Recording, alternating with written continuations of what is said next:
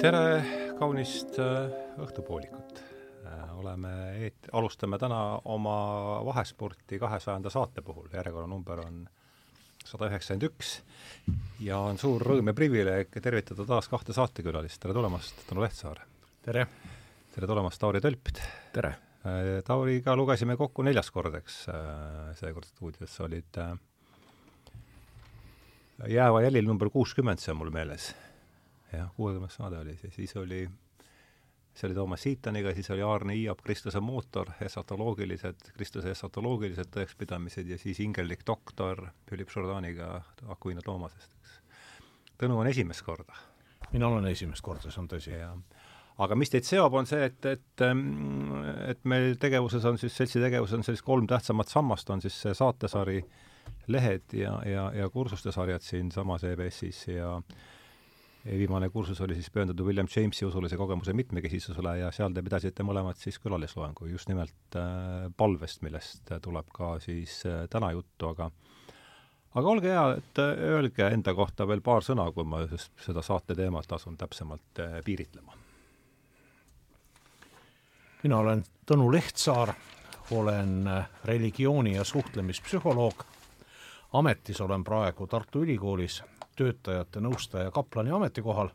seda tööd teen kahel päeval nädalas ja ülejäänud osa ajast tegelen koolitustega, meil on väike perefirma ja käin kalal mm. jah, kala, kala, kala teema käis läbi ka külalisloengust. ja see on mul väga südame peal. suur kirg, kirglik kalamees. võib vist nii öelda küll, jah? jah, võib küll öelda. Tauri? jaa, mul on niimoodi ka samuti mitme, mitme ala peal siin praegu, aga aga suuresti ikka teoloog, Ida kiriku õigeusu teoloog. Ja juhin siis võib-olla niimoodi igapäevaselt usuteaduse instituudis õiguse õppetooli. Ja annan ka seal loenguid, korraldan, et äh, ka õigeusu teoloogilist haridust Eestis äh, siiski saaks anda. Ja, ja sellega seoses olen kindlasti seotud pigem mm, erialaliselt Kreeka kirikuisadega, kes mind väga huvitavad ja, ja ja olen lõpetamas ka oma doktoritööd praegu sellise kirikuisa nagu Damaskuse Johannese peal, nii et uuringi sellist filosoofilisemat mm, lähenemist, vaatan, kuidas tema näiteks kasutab antiik-Kreeka filosoofiat oma teoloogilistes teesides, nii et, et niisugune teema. ja mhm. annan ka Tartus mõndasid loenguid ja see ongi Marju Lepajalt võtsid üle? Kreeka patristika on jah, praegu üks, üks sellistest ainetest, mida ma, mida ma ka annan ja siis nii-öelda äh, liigume ka Kreeka kirikuisade põneval, põneval alal mm. -hmm. ja nii palju siis sa ütlesid, et sa oled õigeusu taustaga, eks, ja Tõnu vap-? mina olen Tartus baptisti koguduse liige. nii et äh,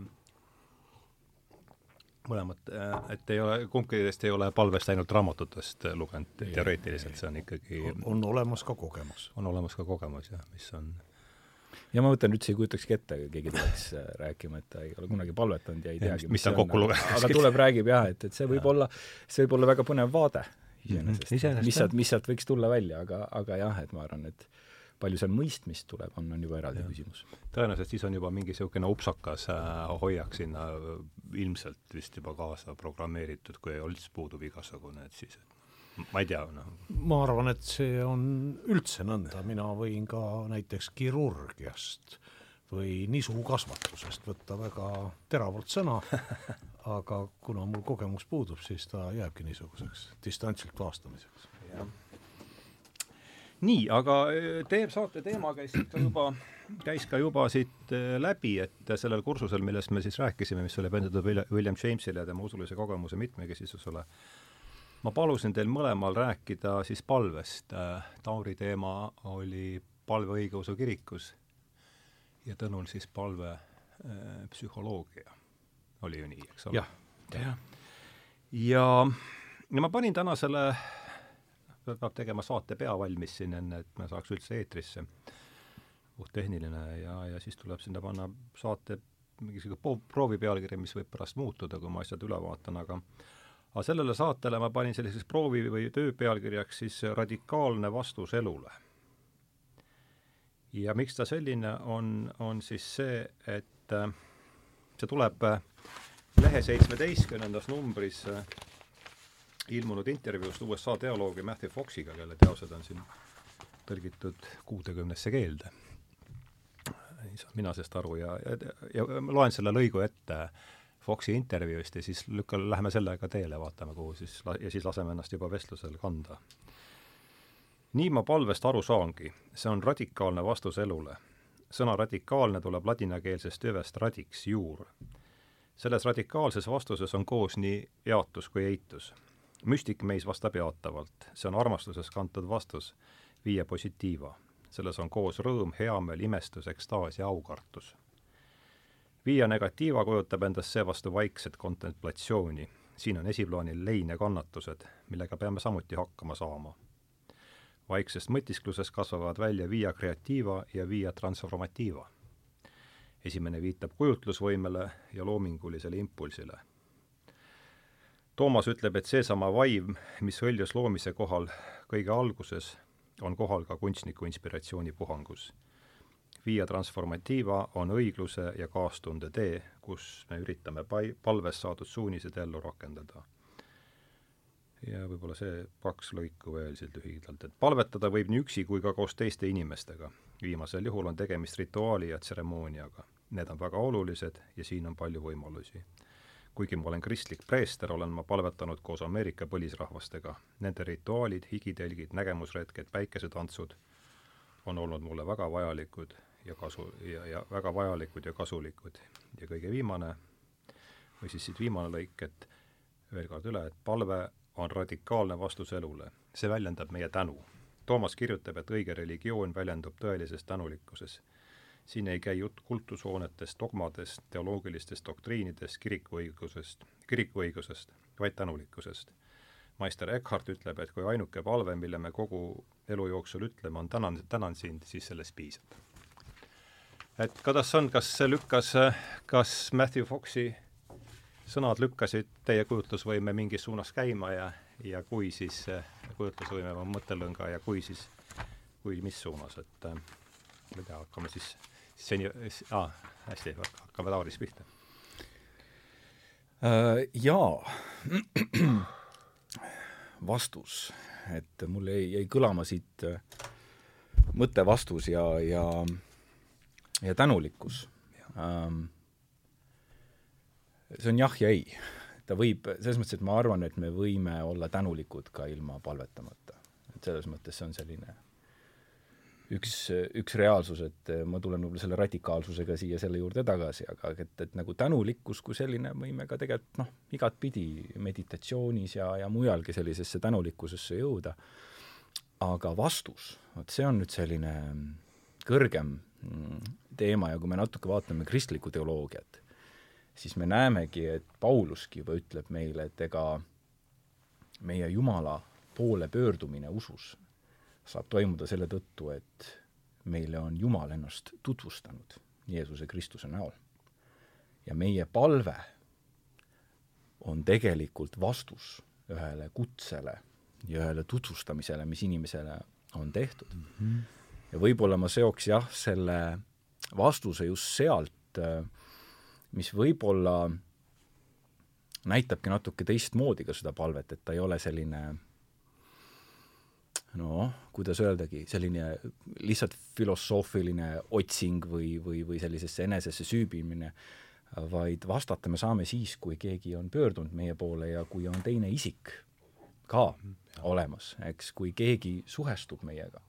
Ja ma arvan, et siin tuleb välja ka selline palve nurgakivi, et palve eeldab suhet ja suhte loomist. Mm. -hmm ja, ja Kristuses on see muidugi Jumal, isikuline Jumal, kes inimese poole pöördub ja seda suhet soovib luua meiega, et äh, kui me võtame ka Kristuse jüngrid, siis tema, Kristuse jüngrid ei otsinud ise endale õpetajat, vaid tema õpetaja ehk lihaks saanud Jumala sõna otsis nad ise endale üles ja pöördus nende poole.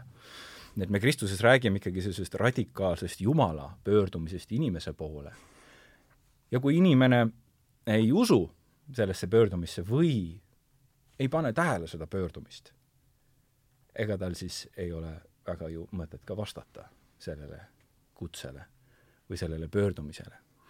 nii et, et kui me jah, sellisest äh, vastusest räägime, siis tõesti Kristuses, ma arvan, selline keskne punkt ja igas palves on, on, on siiski ka mingi informatsioon selle poole või sellest, kelle poole me palvetame. ma arvan, see on ka teistes nõnda, nii et äh,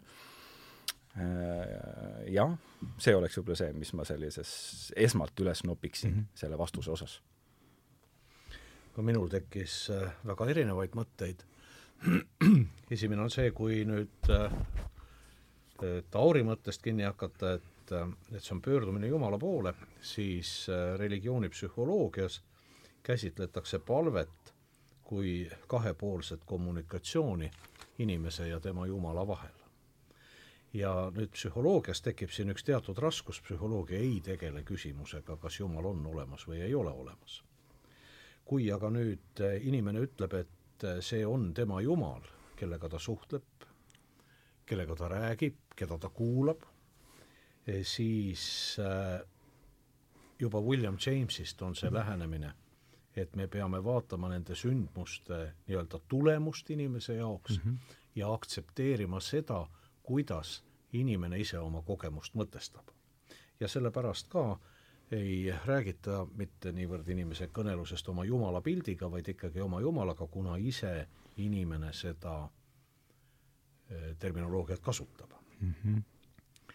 nüüd, mis puudutab veel kohtumist, eh, ma siin loen, mul on pooleli üks Newbergi ja eh, on paar neuroteadlast, kes on uurinud spirituaalseid kogemusi ja nemad kirjeldavad siis seda, et kui üks inimene suhtleb teisega, noh, oletame siin mina kas Tauri või Hardoga antud juhul, siis minu ajus teatud piirkonnad aktiveeruvad, kui on tegemist kahe isiku vahelise suhtega.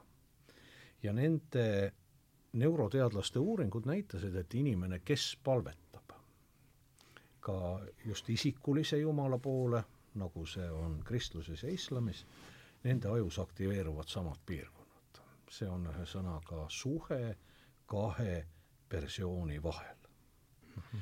Ja kui laiemalt vaadata, vot religioonipsühholoogia jaoks on ka see küsimus, et noh, mis üldse siis on religioon või mis on usklikkus või mis on spirituaalsus, need on sellised omaette hästi suured teemad, aga on üks religiooni määratlusi, mis ütleb, et religioon algab sealt, kust algab palve.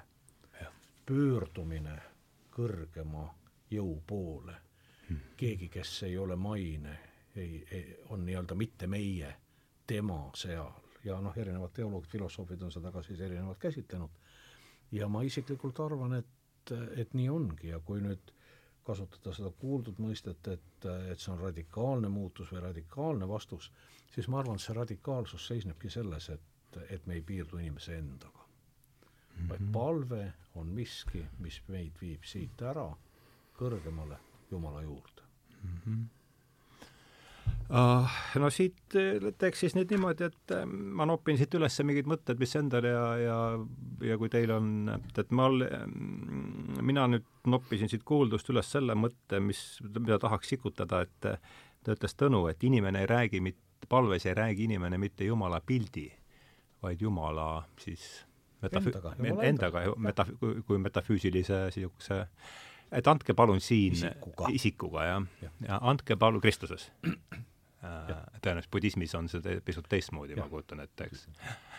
aga et andke palun sellele, see tundub olevat oluline koht eriti inimestele, kes ei ole nüüd igapäevaselt nende teemadega kokku ei puutu, et mis vahet on siis Jumala pildi ja ja Jumala kui siis isiku isiku vahel, et äh, sikutaks seda niidi otsa natuke. jah, ma kujutan ette, et äh, õigeusu teoloogias ikooni teema äh, saab sellega äh, siduda ja ütleme, psühholoogia seisukohast see on selline suur äh, noh, filosoofiline küsimus tegelikult, kuidas ka psühholoogias on seda mõtestatud, noh, oletame, et äh, Ardo, mina räägin mõttes sinuga. nüüd sellisel juhul ma räägin noh, kujutlusega sinust, ma ei kuule, mida sina vastad mulle mm. -hmm. ja nüüd, mille poolt aga räägivad usulised kogemused, kus inimene kas tunnetab Jumala ligiolu, ta kohtub kellegagi, mõnel juhul inimene saab mingid visioonid, saab vastused, leiab sisemise rahu, no religioonipsühholoogias on selle nimi siis valve psühholoogilised efektid. Mm -hmm. ja see ei ole taandatav inimese vestlusele või jutule vestlusest kujutusega või, või, või, või, või vaimse pildiga, et, et ja inimesed ise tajuvad seda ka kui väga isiklikku suhet ja see on veel teema, mida me võime pärast eraldi rääkida, on nüüd see loovuse teema, mida see algselt loetud lõik ka puudutas mm. -hmm. ja nüüd tuleb välja, et palvetav inimene, kes laseb lahti oma mõtetest, muredest, suhtleb igavikuga, tõepoolest muutub loovamaks, tekivad mm -hmm. uued lahendused, uued selgused, uued vastused, mida me alati ei saa, ei pruugi või ka inimesed ei taha seletada ainult selles maises horisontaalses mõõtmes vaid nad ütlevad, et see on jumalik ilmutus, vaim tuli peale, Jumal ütles, Jumal avas, Jumal näitas. ja need on väga sügavad loovad aktid ja noh, kui me võtame seal Hendri Messi või Bachi muusika, siis need on, või, või Arvo Pärdi näiteks, eks ole, need on ikkagi väga sügava usulise kogemuse väljendused mm, -hmm. kus see jumalik säde, see loov säde puhkeb nii-öelda leegiga inimeses. jah, see tõesti väga selline huvitav äh, äh, erisuseks, et äh, Jumala endaga ja siis äh, pildiga temast. Äh, ja, ja me eeldame, et see pilt temast on siis mingit, mingit sorti meie kujutelm, eks, mis me võime siis Jumalast nagu luua. ja kui me vaatame ka kristlikku pärimust äh, tema pikkadel sajanditel, siis me näeme, et üks suurim hoiatus, mida sellised palvepraktikad on alati ette näinud, on hoiatanud mitte hakata looma Jumalast oma peas teatud fantaasiapilte mm. -hmm. ehk siis teisisõnu, mitte hakata projitseerima iseennast ähm, sinna Jumalale või Jumalaks ja siis tegelikult lõpuks sellega mingisugusesse kontakti või osadusse astuma. ja, ja sellest äh, sellest on oldud pikka aega teadlikud ja selle tõttu tõesti selline vahetu suhe või vahetu osadus äh, nõuab muidugi palju asju meilt, see nõuab esmalt, eks, meie enese taandamist, ehk siis teisisõnu just nendest piltidest taandamist ja, ja mingit väga vahetut kontakti, aga noh, muidugi üks noh, raskuspunkt, mis siin tekib, on see, et kristluses Jumalal endal äh, seda kujutist või pilti ei olegi, eks ta on transcendentne, ta on mm -hmm. üle kõige. Et me võime läbi mingite vahendite teda, eks, tajuda ja suuresti me ju seda ka teeme on see siis ikoon, on see siis pühakiri, äh, on see siis loodus, äh, on see siis mis iganes, et mingid vahendid siin on nagu alati olemas.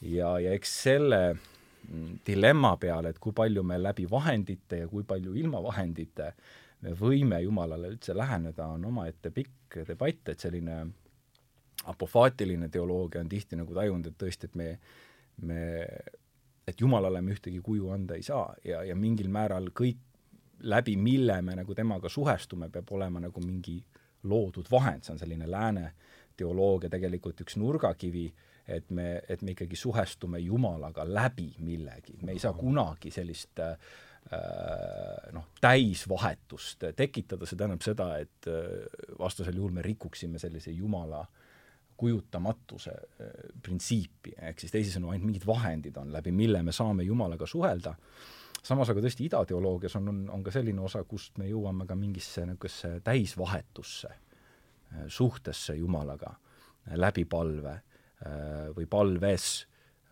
mida siis tõesti kutsutakse müstiliseks kogemuseks või, või Jumala valguse nägemiseks, et siin on niisuguseid palju erinevaid traditsioone aga jah, see pildi küsimus või kuju küsimus on küll selline asi, et äh, et me ise ei hakkaks looma.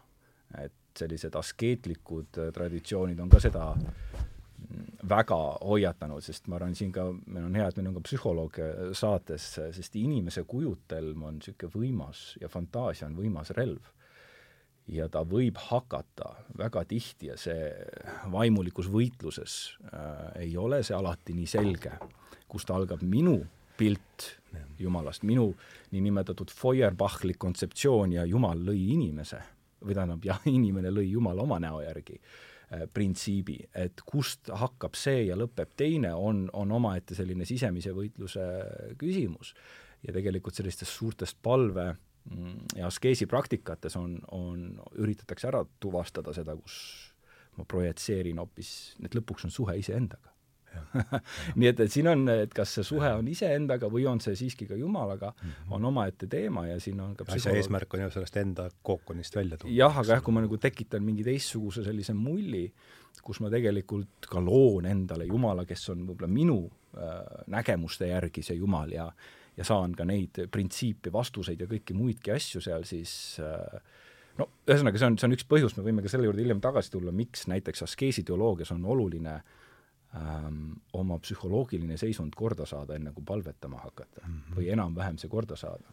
sest et kui me läheme katkise psühholoogilise seisundiga, hakkame nagu väga sügavat müstilist Jumala kaemust ja kogemust tegema, siis vähemalt selline kiriku pikk traditsioon on näinud väga palju väärastumisi, mis seal võivad hakata tekkima. Ja selle eest on jah, juba tuhandeid aastaid hoiatatud, nii et selline et see on üks selline reaalsus ka, mida me võib-olla peame arvesse võtma ja mis on muidugi keeruline öelda, kust see algab ja kust see muidugi inimese sellises sisevõitluses lõpeb, et ida traditsioonis on selleks olemas mentorid ehk vaimulikud isad. sa räägid ida traditsioonist, siis sa räägid idakristlusest, jah, ida, jah, idakristlusest, jah. budismist ja nendest asjadest. et siis seal on olemas nii-öelda nagu mentorid, nagu moodsal ajastul siis nagu ma ei tea, psühholoogid, vaimulikud isad, eks, kellega siis räägitakse, kes siis nagu hindavad seda, seda seisu ka, et mis, mis seal nagu toimub ja annavad teatud tagasisidet. nii et vot selline mõttekäik tuleb ka siit veel, jah, siis kas see lükkas sinu mõtet kuhugi liikuma? jaa, see idee, ma mäletan kunagi, ma olen nõukogude ajal ülikoolis käinud ja siis mis õppisid? psühholoogiat õppisin, sotsiaalpsühholoogiat. ja seal oli juttu siis ateismi kursuses Xenophanesest, kui ma õigesti mäletan, ja tema väide oli, et kui härg kujutaks endale ette Jumalat, siis ta kujutaks enda härjana. no kui me tuleme lähemale, üks kahekümnenda sajandi suuremaid psühhiaatreid, Carl Gustav Jung, rääkiski individuatsioonist, oma selfi, oma tegeliku mina leidmisest ja ütles, et see on samatähenduslik Jumala leidmisega iseendas mm. -hmm. Ma lugesin ühte intervjuud, kus siis Jung palju rääkis ju semi-, religioonist ja ta tundis erinevaid religioone, ta reisis palju ja küsiti tema käest siis enne surma, et härra Jung, te olete palju religioonist rääkinud kas te usute, et Jumal on olemas? ja Jungi vastus oli, ma ei usu, ma tean. jah, täpselt. ja, ja, ja, ja, ja see Jumal, keda ta teadis, vähemalt biograafid on seda väidet tõlgendanud nii, et see ei olnud mitte see Jumal, mis siis on inimese sees, nagu ka paljudes idareligioonides me leiame Jumala iseendas, vaid eh, see oli see objektiivselt eh, eksisteeriv Jumal, kelle poole me pöördume ja see, mida Tauri rääkis, et äh, peab kuidagi iseendaga korda saama, et Jumalat kuulda, mina olen sellega väga nõus. minu arust laulude raamatus on see, et õndsad on puhtad südamelt, sest nemad saavad Jumalat näha. ja psühholoogina projektsiooni teema, et me loeme oma probleeme teistesse sisse mm, -hmm. see on üks olulisi suhtlemistõkkeid, see on sageli psühhoteraapias probleem, et et, inimene näeb iseennast tegelikult teistes.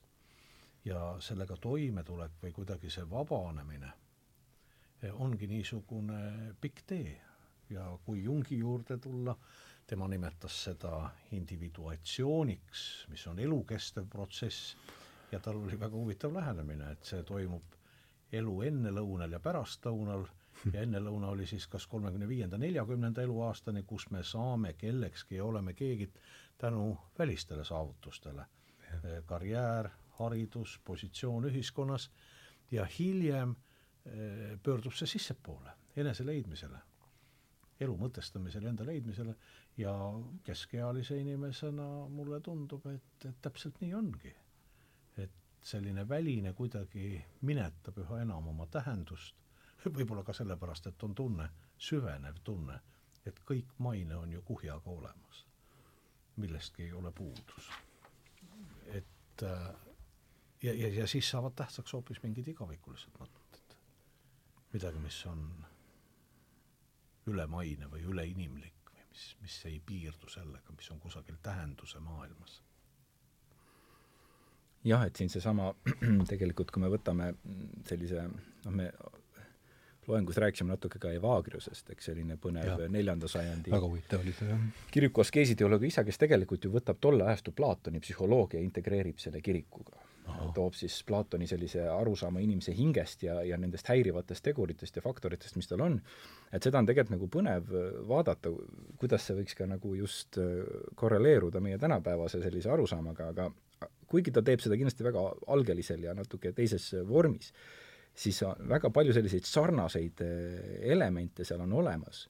ja me näeme, kuidas esiteks üritatakse kaardistada, mis inimesega toimub, ehk siis need kuulsad seitse surmapattu, mis algselt oli siis kaheksa mõtet, kaardistati siis eh, mungale logism, logismoi, jah. jah, logismiid või logismoid, kus siis tegelikult üritati psühholoogiliselt juba neljandal sajandil kaardistada inimese meel ja just noh, mis puudutab inimese siis askeedi teelt, teel palves Jumala poole, mis teda nii-öelda häirivad seal, mis teda äh, segavad ja takistavad. et see on selline huvitav osa, mis, mis juba tegelikult sisse toodi, saadigi aru, et kui ma tahan võtta vastu Jumalat, tahan palvetada tema poole, siis ma pean mingi korra Eh, endast saama, aga kui mul on kogu aeg pea uitmõtteid täis, ma tegelen igast muude asjadega, igast emotsioonid, tungid, ma ei suuda hetkekski rahulikult olla, kuidas ma siis üldse palvetada saan? kui ma olen niivõrd täis iseennast ja klaas on nii-öelda vett täis, nagu me oleme seda öelnud, siis kuidas ma saan üldse seda teha? Et selles mõttes selline väga oluline osa, mida juba neljandal sajandil avastati, oli see, et me peame aitama inimest sellel teel ka, kui ta hakkab palvetama, me peame teda toetama. ja me näeme seal, minu arust on seal väga palju noh, niinimetatud rääkiv psühhoteraapia, rääkiv psühholoogia või rääkiv ravi on, on seal ju olemas sellises pihis ja, ja vaimulikus vestluses, me näeme ka kognitiivkäitumuslikke selliseid mingeid väga suuri algeid seal, kus tegelikult ju äh, üritatakse need teatud kiusatused või häirivad mõtted asendada voorustega, ehk siis üritatakse mõtteviise muuta, käitumisi muuta, äh, asendada need natuke teistsuguste aspektidega, nii et me näeme selliseid väga mm, huvitavaid elemente ja, ja mul on nagu tihti olnud see just minu arust sellises moodsas psühholoogia ja teoloogia vahekorras ka, et me võiksime neid samu elemente ju ka kindlasti uusi meetodeid ka tänapäeval kasutada, et äh, see on omaette debatt, eks, kui palju kristlasedki näiteks äh, palju me räägime sellest, et kasutaks psühholoogia teadust ja teadmisi, et aidata mul paremini palvetada. et kui palju, palju me sellest räägime, palju me seda teeme. minu arust oli vahva, et nad neljandal sajandil integreerisid niivõrd julgelt sisse tegelikult nähtused, mida peeti lausa paganlikeks mm. -hmm. võeti sealt see tarkus üle, integreeriti Kristlusesse ja öeldi, et kasutame paganlike filosoofide psühholoogiat. Ja sealt toodi eks kaks osa, Platoni arusaam inimhingest, kus on inimese siis see nous või meel või mõistus, ja siis eh, nad, Platon jagas inimese hinge, eks kaheks osaks oli selline, ta nimetab siis epithimetike ja thymike, ehk siis kõik, mis on ihaldav ja kõik, mis on eemalelükkav. Platon jagas niisuguse inimhinge selliseks suuresti nagu kaheks, kõik, mida ta tahab ja kõik, mida ta siis vihkab või ärritab või eemale lükkab. ja, ja üritatigi aru saada, et kui juba Platon teadis, et kui need osad valitsevad inimese meelt, siis ta meel on ori ei ole vaba, eks, nii et tuleb kõigepealt selline hingeline selgus saada, tuleb need kontrolli alla võtta, need meie kired, uitmõtted ja, ja, ja suunata nad õigesse kohta. ja teine asi, mille ta võtab sisse, ta võtab stoikude prosohee, mida kusjuures on ju vist isegi öeldud, et see on see vana kreeklaste mindfulnessi ekvivalent. ütle palun see sõna veel. Prosohee, mis on siis tähelepanu, eks, või keskendumine mille ka Evagrius sisse toob, nüüd on kõik väga geniaalne mõtleja ja hakkab seda siis kristlikusse palveelusse kõiki selliseid elemente sisse tooma, meele keskendumine, kontsentreerumine, ja mida Evagrius veel teeb? ta võtab kreekakeelse sõna selle prosohe, mis on stoikudel kasutusel, ja seob selle kristliku proseuheega, mis tähendab palvetamist. Need on üks ja sama sõna peaaegu tähendab, et palvetamine eeldab ka tugevat keskendumisvõime harjutamist ja sealt tuleb ju sõna askees, harjutama peame harjutama mhm. neid asju, see ei tule üleöö. et niisugused atleetlikud terminid on ka meil lausa siin eh, sees või harjutamist nõudvad terminid, nii et see on jah, et ma ei teagi, mis, eh, kuidas Tõnule mõtteid need tekitavad. hästi palju siis me saame siit kohe edasi. ma ei ole küll teoloog, aga kõrvalpõikena, kui sa ütled, et noh, toodi juba neljandal sajandil Platon sisse, siis tegelikult ju mingi sarnane mõttemall oli Aquino Toomasel, kes eh, tõi Aristotelesse sisse, eks ole, taaselavdas kiriklikus kontekstis aga tulles nüüd selle süvenemise juurde, mul oli väga huvitav elamus oli, ma arvan, et oligi elamus. meditsiiniõed Tartus tellisid minult loengu teemal multitasking, eesti keeles rööprähklemine. mina ei olnud selle asjaga tegelenud. Ja noh, ütleme üheks ettekandeks nüüd, see on tohutu materjal muidugi. aga mida ma sealt sain teada, on see, et kõigepealt rööprähklemine on illusioon hmm.. et seda ei ole olemas selles mõttes, et ühes konkreetses ajahetkes ikkagi inimene teeb ühte asja. aga kui me kuulame muusikat, loeme raamatut ja vastame kirjadele, justkui korraga, multitasking, rööprähklemine, siis me tegelikult faktilises ühes hetkes teeme ühte asja. ja järgmises hetkes teeme teist asja ja probleem on kus? ümberlülitumises. ja mis mind üllatas ja minu väga lugupeetud juhendaja, professor Jaan Mikk, kuulis seda ettekannet, kus ma väitsin kirjanduse andmetel, et sügava süvenemise seisundis segamine, no keegi tuleb, anna klaas vett või pane tuli põlema, taashäälestumine võtab kuni kakskümmend minutit. ma ei uskunud, et see on nii palju, sest noh, me ju kogu aeg lülitume ümber ja, ja Jaan Mikk uuris seda asja, ütles, et Tõnu, ongi nii palju. ma, ma ei julge seda rohkem kommenteerida kui, kui väide, mida ma olen lugenud. nüüd rööprähklejate probleemid on kus? halveneb lühiajaline mälu. ei mäleta, kuhu prillid panid, inimene muutub hajusaks. Ja ta kaotab süvenemisvõime. vot see häälestumine millelegi, süvitsi minek, läbitunnetamine, vot see, mida väga palju kuulutas ja õpetas kadunud Marju Lepajõe. see, see hakkab kaduma ja Jaan Aru räägib, et kui inimene elab pikalt ja pidevalt pinnalises, noh näiteks selles nutimaailmas või, või, või minu pärast selles kaasaegses infomaailmas, siis võivad toimuda ka aju strukturaalsed muudatused nõnda, et ta ei olegi enam võimeline süvenema või see nõuab juba eraldi pikemaaegset taasharjutamist, õppimist. see on midagi niisugust, tänapäeval vist inimesi kipsvoodisse ei panna, aga üks minu pastoritest oli kunagi pikalt kipsvoodis, tal oli mingid selgroo probleemid ja siis ta õppis kõndima, õppis kõndima pärast seda, nagu väike laps. Ja, ja, ja niimoodi see süvenemise võime taastamine mulle tundub, nõuab ka lausa eraldi harjutamist ja selles mõttes ma arvan, et vot usklikud inimesed, jumalakartlikud inimesed, need, kes palvetavad, kes mediteerivad, kes süvenevad, kes lahutuvad sellest argielu rutust või info, noh, info on palju öelda, võib-olla müra, müra üleküllasusest. Need inimesed ongi sammu võrra ees, nad suudavad näha ja kuulda midagi, mida multitasker või rööprähkleja ei suuda.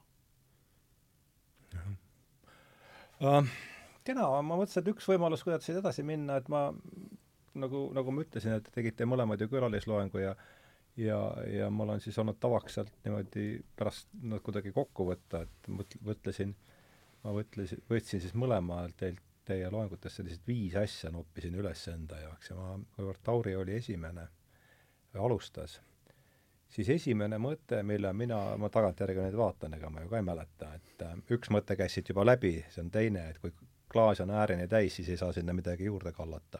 hästi, aga võtamegi selle praegu, see käis juba läbi, et äh, anna sinna palun äh, ja no, olen siia juurde kirjutanud, et probleemi tunnistamine tähendab otsustavat sammu alandlikkuse poole. et, et kui me ikka, ah jah, see oli mul ju struktureeritud niimoodi, et kõigepealt on probleem, ma seisan vastamisi millegagi, mida ma ei tea, kuidas lahendada.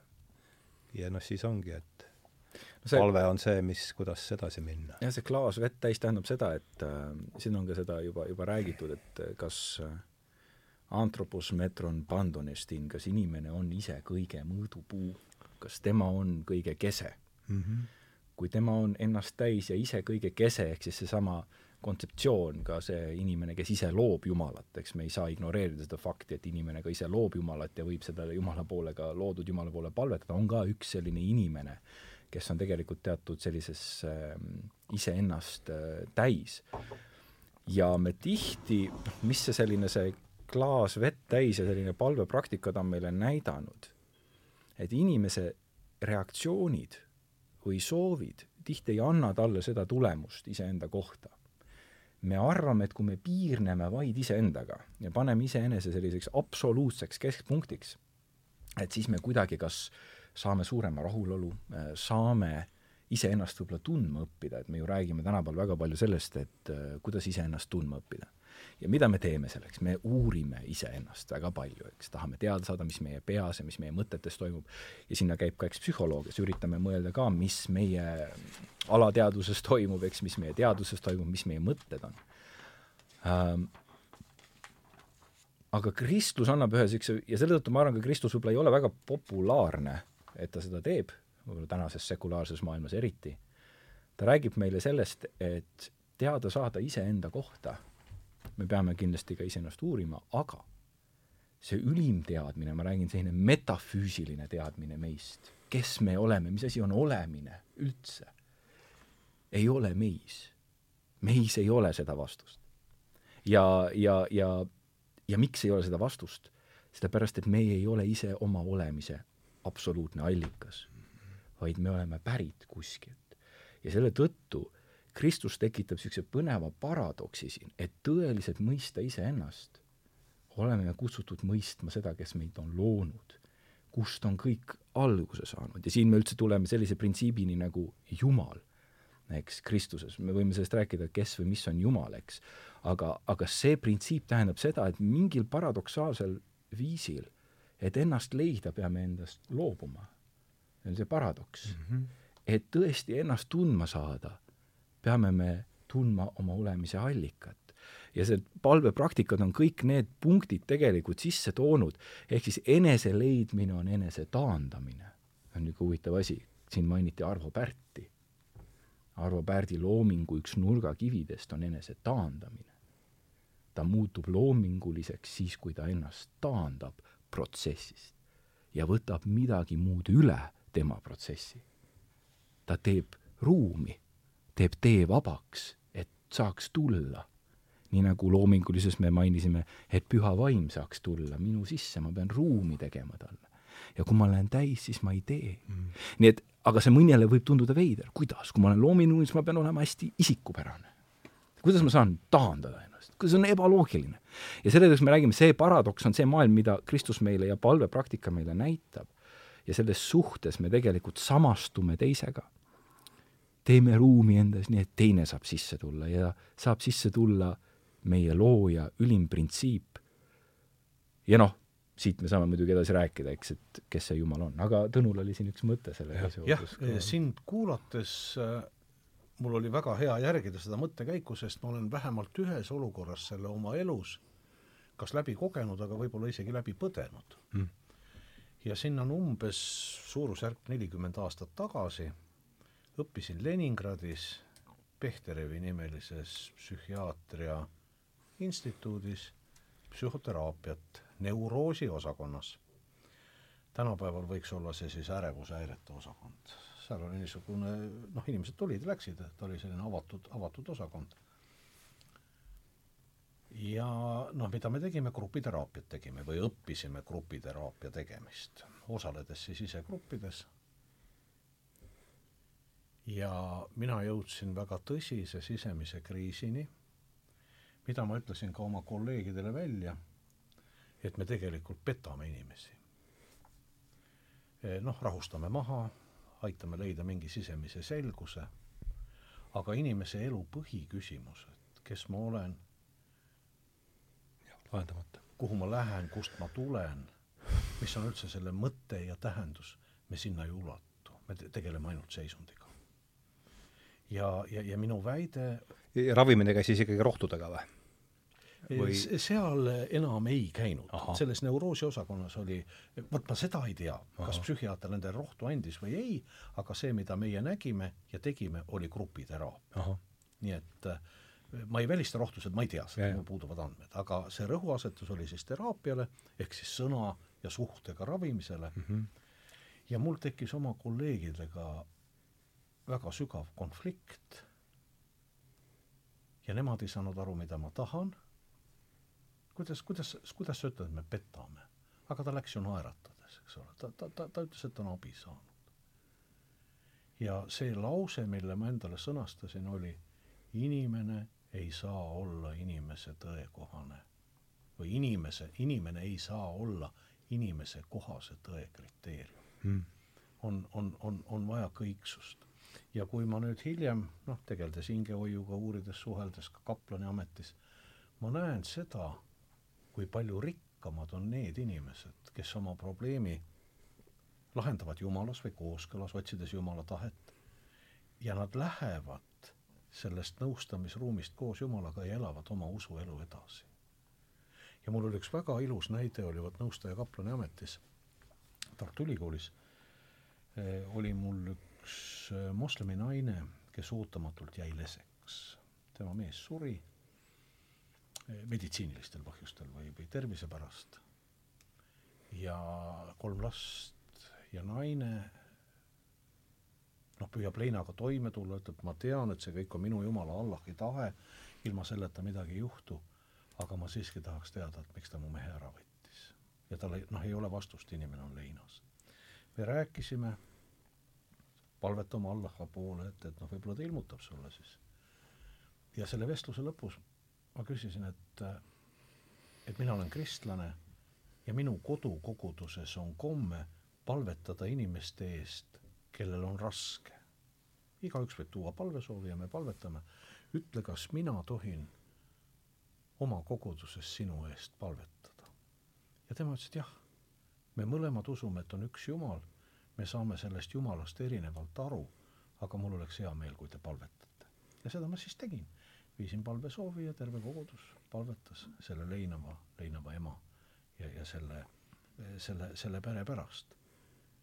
ja nüüd öelda kuidagi, et või kui me võrdleme maharahustamist või niisugust noh, ma ei tea, neuroosiravi või, või sellise noh, usuga Jumalasse, kes on üle ja ulatub, see on no, kaks erinevat maailma, kaks mm -hmm. erinevat maailma. ja, ja vot nii ongi, eks ole mm. -hmm. aga ja, kolleegidega ma ei saanud sellest rääkida, me läksime tülli. aga jah, huvitav, et miks, miks see on, et siin tekib seesama, see on väga, väga põnev aspekt, aga et, et selline jah, siin tuleb mitu teemat, ühelt poolt on see, kas õnn ateistlik sekulaarses maailmas saab olla ainult eskapism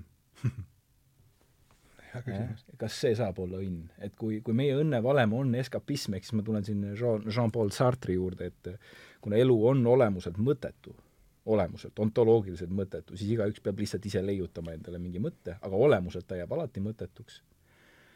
Siis kas meie õnnevalem ongi üks lihtsalt luua üks eskapism sinna ja lihtsalt see seostub natuke sellega, et no ta ju läks ju naeratus suul ära. ehk siis kui me müüme inimestele piisavalt mingit niisugust naeratust. naeratust maha, me teeme selle eskapismi liiga piisavalt tugevaks, et ja keegi ütleb, aga sellel on ju mõju. siis ma ei oska öelda, kuhu see lõpuks välja jõuab. kas ühel hetkel murdub, kas see illusioon ka kaob, kas see eskapism kukub kuskil kokku või mitte Äh, et see on nagu eraldi küsimus, kui palju me sellist, sellist nagu realistlikkust peaksime selle kannatuse elu juures üldse, üldse nagu tajuma ja, ja mis, mis on see osa palvest siin, aga ka üks aspekt, mis siit veel nagu koorub, on, on, on lihtsalt see, et keda me mõistame või mida, mida me mõistame nagu jumalana, et see on üks, üks asi, mis on vaja selgeks saada, paljudel inimestel on, on häiriv äh, jumala kontseptsioon mm. -hmm kuna nad lähevad tegelikult kohe, lähevad kohe lukku nagu lähevad lukku ja, ja selle tõttu noh, on ka üks põhjus, miks võib-olla meditatsioon on tänapäeval selline koolis me võime meditatsiooni võib-olla teha, aga noh, hakkaks mingit palveasja sisse tooma, siis tulevad kaebused peale.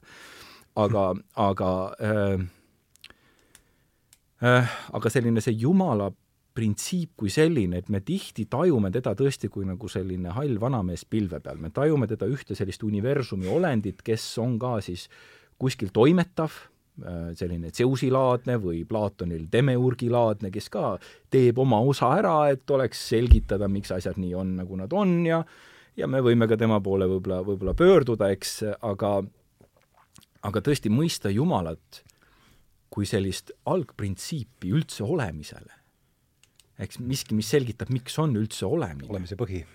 olemise põhi ja see ei peagi isegi ajaline kontseptsioon olema. kui me räägime, et enne suurt pauku oli mingi kvantväli või mis iganes, siis, siis ka see on mingit sorti seadus, reeglipärasus, olemine. olemine tema kõige laiemas mõttes, et me räägime sellisest ikkagi ülimast absoluudist, mis annab kõigele tema olemise ja kõigile oma vormi, eks ju, või olemise vormi, kui me tahame nii öelda. ja kui me inimesena pöördume selle poole, siis me pöördume ka tegelikult mingisuguse iseenese allika poole, et äh, kirikuisadel on niisugune vahva kontseptsioon nagu olemise algpõhjused. ja näiteks palvetades jõuaks, jõutakse üks teine faas kutsutakse füüsikafaasiks. ma mõtlen, kas on siis füüsikud, siis tuleksid mängu siin, aga, aga füüsikafaas palves oli see faas, kus tajutigi Jumalat läbi looduse, läbi inimese. kui vaadati seda puud, mis kasvab, siis nähti, et see on ju Jumala looming, sellepärast et Jumala teatud algprintsiibid, loodu idee on, on seal sees olemas. kui vaadati ligimest, siis ühel hetkel tajuti, aga see on ju Jumala näo järgi loodud olend. seda nähti kohe. see ei olnud meie igapäevaelus me tegelikult ei näe, ma vaatan, mingi tüüp käib ringi, käib siin tänaval, on ka võib-olla tuhandeid, sadu, elame ühes kortermajas, eks mida raske on näha Jumalat, eks ole, seal. ja raske on näha Jumalat, aga mõelge, kui te saavutaksite ühel hetkel selle vaate, et igas näos vaatab vastu Jumala kuju. mis vaade see võiks olla? Kuidas, kas, kas siis ei taha kohe, ei tahaks kohe palvetada nii-öelda selles võtta. nii et, et see on teatud selline faas, millega müstikud või askeedid ju tegelikult saavutavad. Ja, ja see kõik muutub selliseks olemuslikuks, me näeme asjade taha, me näeme looduse taha, me näeme inimese taha ja me näeme ka palve taha, palve muutub ka nagu askeedid ütlevad südamepalveks, iga tukse, iga südamelöök on ise üks palve juba need sõnadki ei ole enam nii olulised siin, sest ma juba kiirgan seda mhm. palvet välja, nii et kõik sellised printsiibid oma, oma olemuses on, ma arvan, ülimalt äh, olulised ja ja siin puhul, miks, miks ma seda nagu välja tõin, on see, et tihti nagu tajume sellises postkartesiaanlikkus, eks ma väga vabandan, sellist filosoofilist sõnavara siin sisse toon, postkartesiaanlikkus, reaalsuses me tahame vaadata loodust ja, ja, ja mateeriat sellise mehaanilise masinavärgina eks. ja siis me vaatame ka Jumalat kui sellise mehaanilise masinavärgi loojat. pea, peainsener. jah, peainsener. aga kui me vaatame seda tõesti kui sellist elusat loodust, elusat inimest ja näeme selle taga Jumalat, siis see on täiesti teine pilk, et mul on olnud nagu väga häiriv kuulata ka Eesti teadusmaastikul on liikunud see, et et, et selline kristlik teoloogiline vaade või kristlik arusaam Jumala näolisusest on, on, on justkui sellise ökokatastroofi nurgakivi, eks. et selline niisugune huvitav äh, väide, et ma, mina isiklikult siit läheksin edasi, ütleks, see on niisugune kartesiaanliku või Rene Descartesi mõjutusest, mis kindlasti mõjutas ka kristlust, oma, oma aspekt, aga, aga see, et me palves tegelikult läbi Kristus, loodu Kristus mõjutas ka, ka Descartesi, eks see on jah, aga, aga Krist-, aga Descartes kindlasti loob teatud osa sellisest vaatest, mida Kristuses varem ei olnud ja üks mm, -hmm. ja see ongi siis selline vaimu ja mateeria väga tugev eristamine, eks, et mateeria kui selline mehaaniline äh, süsteem ja siis vaim kui midagi väga sellist eristatavat, aga, aga tõesti see, et ma palvetan niimoodi, et ma vaatan loodut, see on minu arust vägagi ökoloogiline palve, vaadata läbi loodu, mitte et ma kummardan loodut või loodust, aga ma mõistan selle taga, et see ju tuletab mulle peegli ja ikoonina meelde, kelle poole ma tegelikult pean pöörduma, nii et ma arvan, see on selline, jah mm. -hmm. see oli ka näppist vahepeal. jah, et äh, mulle meenub see oli vist Johannes Paulus teise väide, et me ta-, tajume Jumalat või tunnetame Jumalat loodusseaduste kaudu mm. -hmm. ja mul on olnud väga huvitavaid jutuajamisi usklike matemaatikutega, loodusteadlastega, kes sedasama kinnitavad, eks ole. mis on huvitav, kui me räägime näiteks teadlaste religioossusest, ma ei ole sellega nüüd viimasel ajal otse tegelenud, aga kunagi loetult, eh, siis tänapäeval on see trend, et üldiselt religioossed teadlaste arv pigem väheneb eh, ja mitte religioossete teadlaste arv suureneb. aga religioossete teadlaste seas kõige enam religioosseid inimesi on füüsikute ja bioloogide seas. Science, science'is. ja kõige vähem muide sotsiaalteadustes mm, -hmm, eriti jah. psühholoogias ja majandusteadlaste hulgas Freudi mõju on tugev Freudi mõju Freudi mõju taak on tugev. ja, ja, ja väga usutav. olen mõelnud selle, et miks see nii on ja olen äh, jõudnud järeldusele, et me psühholoogid põeme illusiooni, et me mõistame ja teame, kes mm -hmm. on inimene. aga, aga jah, ütleme nii, on erandeid, on erandeid. aga kuivõrd meil siin, kui me palvest räägime, siis noh, ega ei saa ju jumalast, jumala mõistest üle, et ma võtan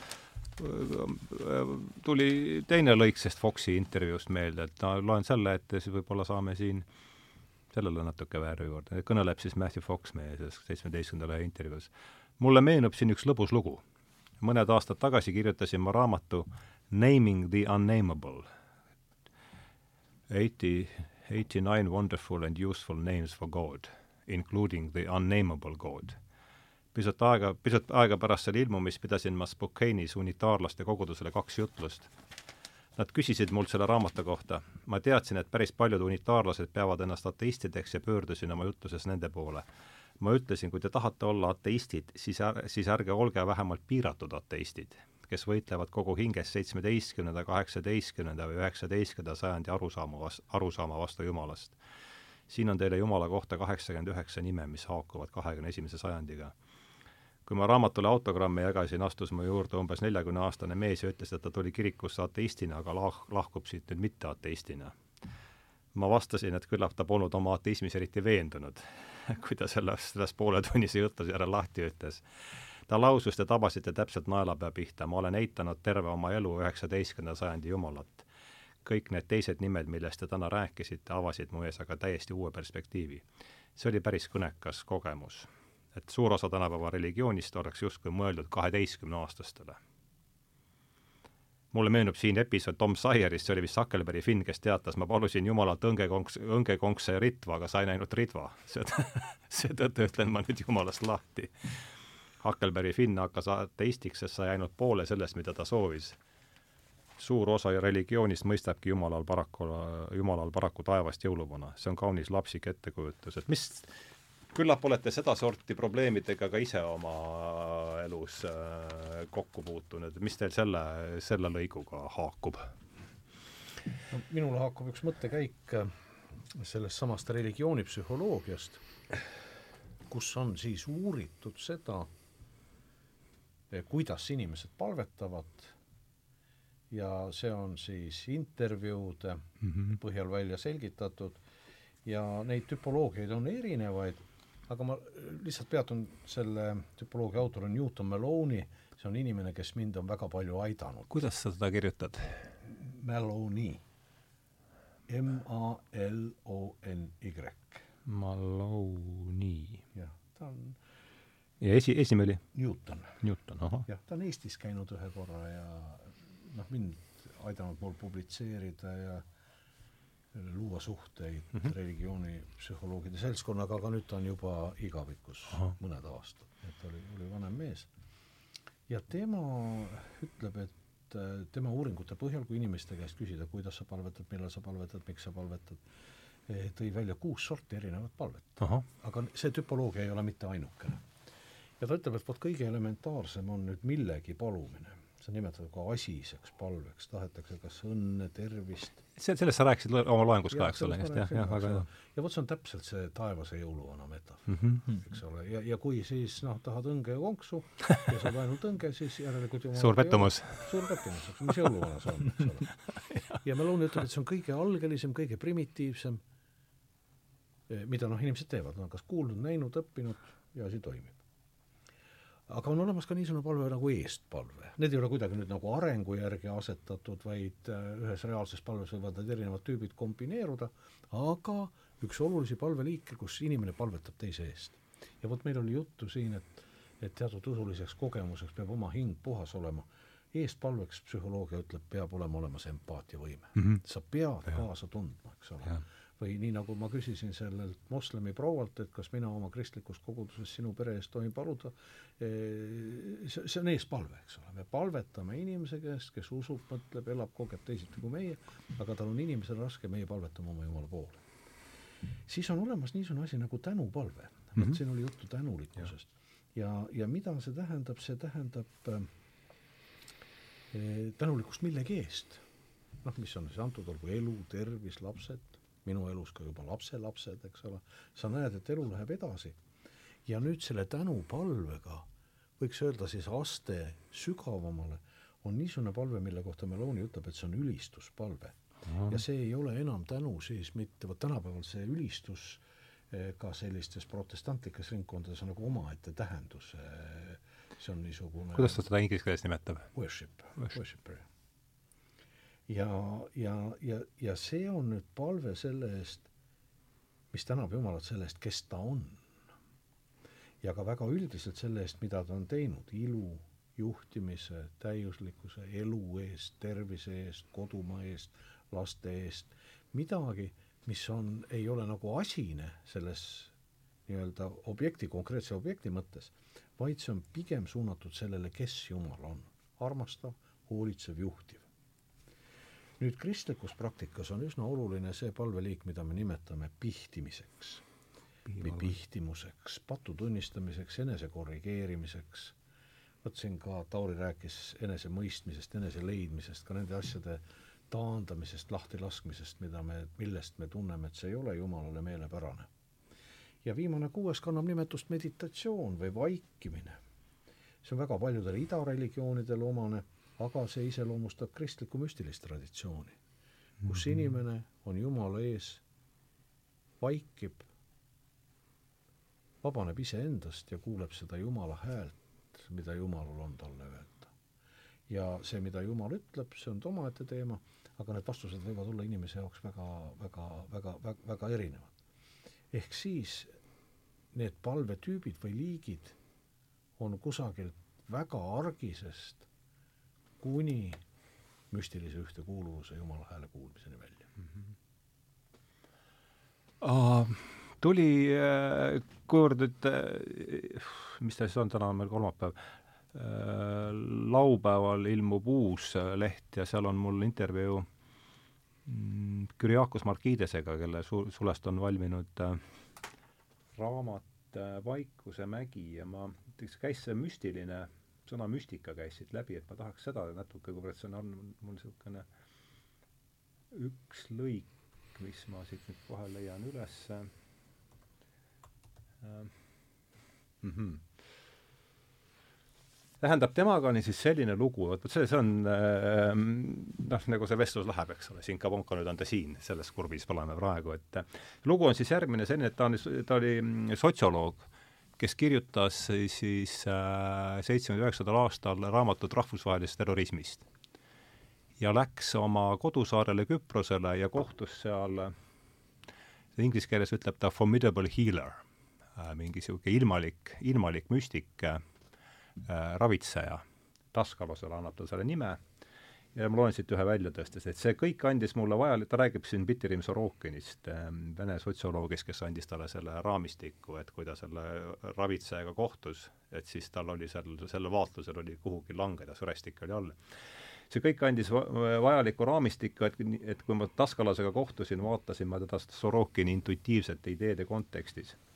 Tänu Taskalosele avastasin ma Kristuse müstilise vormi ja arvasin, ja arvasin, et seda võib leida üksnes väljaspool ametlikku kirikut. see oli huvitav koht minu meelest. kui ma tuhande üheksasaja üheksakümnendatel aastatel Athosele jõudis, jõudsin, pidin seda seisukohta korrigeerima. selgus, et kristluses on müstiline traditsioon alati olemas olnud, aga ajaloolistel põhjustel on sellest pikalt mööda vaatat-, vaadatud. järgmised kakskümmend aastat uurisin ma isa Maksimost ja tema maailma Vaikuse mägi on sellest perioodist. Et ma saan aru siis sellest, et see äh,, et ma ei hakka isegi siin, müstiline kristlus. Äh,, ma viskaks lihtsalt palli teile niimoodi, et äh, sa, sa tõid selle teema sisse, et äh, seoses nüüd selle kuuenda palveliigiga, et et ma saan aru, et sellel on rohkem pistmist õigeusuga kui siis ütleme, reformeeritud äh, kirikuga, saan ma õigesti aru või et äh, mängige palun selle palliga natukene teema siis äh, müstiline Kristus, mis too on ja, ja, ja kus seda leida võib ja ja mida see kõik üldse tähendab. aga see oli väga huvitav äh,, minu jaoks oli see väga-väga silmi avav raamat ja väga silmi avav intervjuu üldse jah, ma võtan selle müstilise Kristuse lihtsalt, ennem jäi meil natuke, ma võtan paar mõtet veel mm -hmm. sellest eelmisest lõigust, kus me rääkisime sellest Jumala osast ja see kusjuures haakub väga selle mm -hmm. müstilise äh, osaga tervikuna, me selgitame seda võib-olla natuke hiljem ka lahti. Aga et ma lihtsalt tahtsin kommenteerida sellist asja, et, et tihti äh, tegelikult ateistid ja kristlased eitavad täpselt sama Jumalat. ehk siis teisisõnu. Ateistid ja kristlased eitavad sama jumalat. see tähendab ja, seda, et kristlane ei usu ka seda jumalat, mida ja. Ateist eitab, eks, ehk siis teisisõnu selline see, see lihtsustuse kontseptsioon, aga ma tuleksin sellisesse kiriku sügavasse pärimusse selle, selle juurde tagasi, kus tegelikult jumalat tajutakse ka mm, olemasolu mõttes kui olemasolemata. see tähendab seda, et Jumal on küll olemine, aga ta ei ole nii-öelda olemasolemine, ehk siis teisisõnu, ta ei ole eksistents. kreekakeelne või ladinakeelne sõna mm -hmm. eksistents või iparhi kreeka keeles tähendab, räägib mingit sorti olemisest, et meil on ka eri sorti olemised olemas, räägib mingit sorti olemisest, mis on meie jaoks olemine, minu jaoks on see laud on olemas ja Tõnu on olemas ja taevas on arutab umbes samade seal on, seal on sarnased printsiibid ka olemas, just, et ehk siis teisisõnu, meie äh, tajume äh, Jumalat või, või tihti kujutame teda ette kuskil seal, kus äh, äh, kus teda tegelikult äh, ei olegi ja, ja Kristuses on olemas selline asi, pseudo-Dionüüsios Areopagiit on selline viienda, kuuenda sajandi suur mõtleja, kes tegelikult räägibki sellisest Jumala äh, kristlikust ateismist äh, mingil määral ja ütlebki, et Jumalat sellisena, nagu meie teda ette kujutame, ei olegi olemas.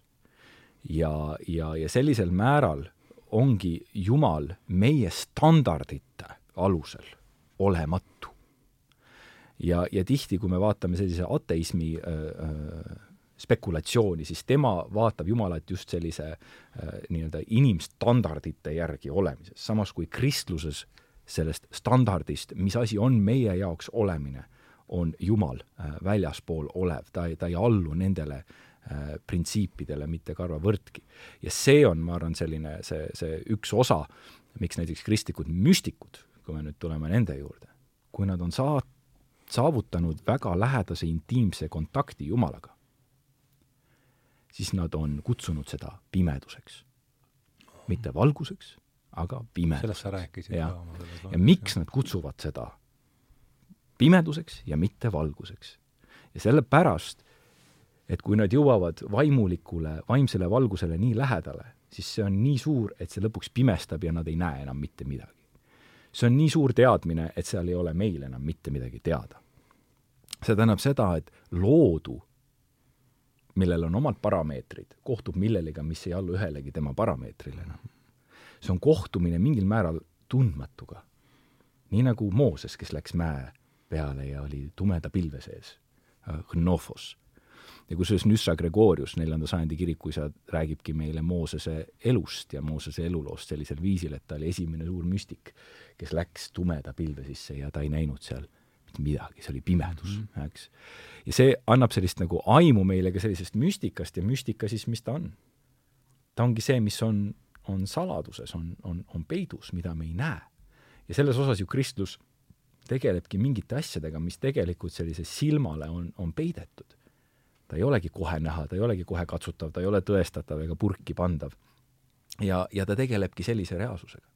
ja sellega ta astubki nüüd väga intiimsesse suhtesse.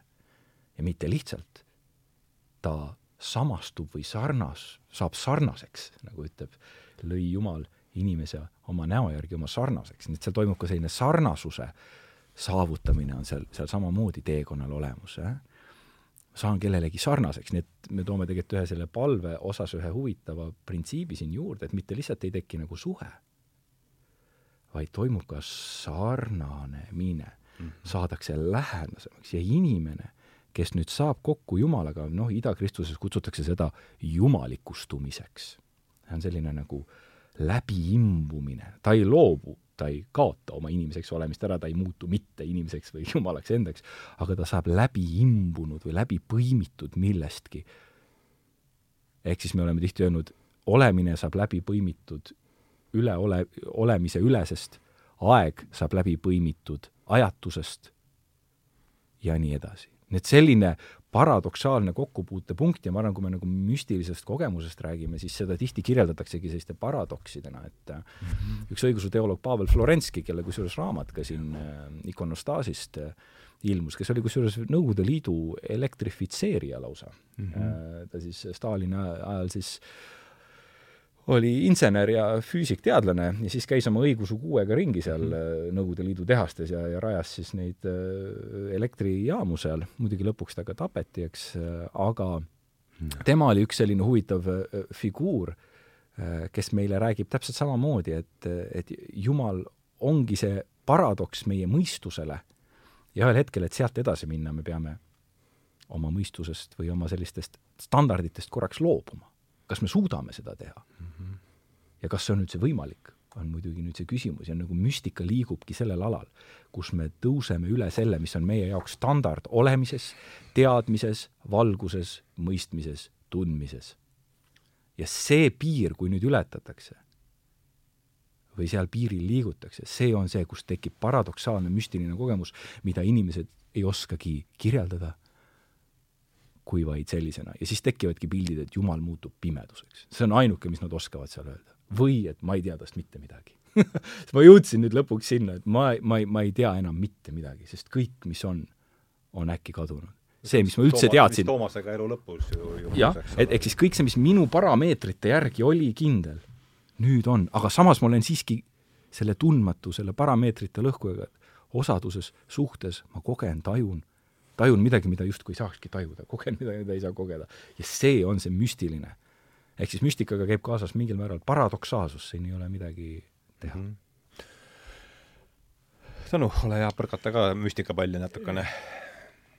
see müstiline kogemus on noh, religioonipsühholoogia mätta otsast on üks üleloomuliku või, või spirituaalse või ka religioosse kogemuse liike ja neid on püütud nüüd kuidagi klassifitseerida ja e, müstiline kogemus religioonipsühholoogias on nüüd defineeritud kui piiride kadumine mina ja mitte mina vahel mm. -hmm. ja vot seal nüüd tekib üks erisus, see kogemus võib olla seotud ka näiteks loodusega. E, mere ääres langeva kose ääres, kui me nagu puutume kokku millegi hoomamatu või haaramatuga, me võime kogeda vot üks olemist sellega, mis on meie ümber ja nüüd mingi sarnane samastumine, millest äh, Tauri rääkis, võib olla ka Jumalaga. piiride kadumine minu ja Jumala vahel, kohtumine Jumalaga. nüüd kristliku müstika on üks eripära, on see, et äh, säilib inimese subjektsus. mina on mina ka selles müstilises kogemuses ja tema Aha. on Jumal. ja äh, sellisest budistlikust vabanemisest või sulandumisest ka kogemuslikkusse eristub nüüd sellel müstilisel kogemus võtame selle uuesti, tundub olevat oluline koht, et kuidas ma selle võiks nüüd kirja panna, et kristlikus traditsioonis säilib inimese subjektsus või müstilises kogemuses. Mm -hmm. vaatamata siis sellele samasusele ja. või sarnasusele. mina sulan kokku, minu aga... piirid kaovad, mina olen olemas, just, mina ei lakka olemast. jah, jah, ja budistlikus kaob see kõik ka läheb ühte, see nirva-, nirvana kogemus siis. lahtilaskmine eesmärk. Mhm.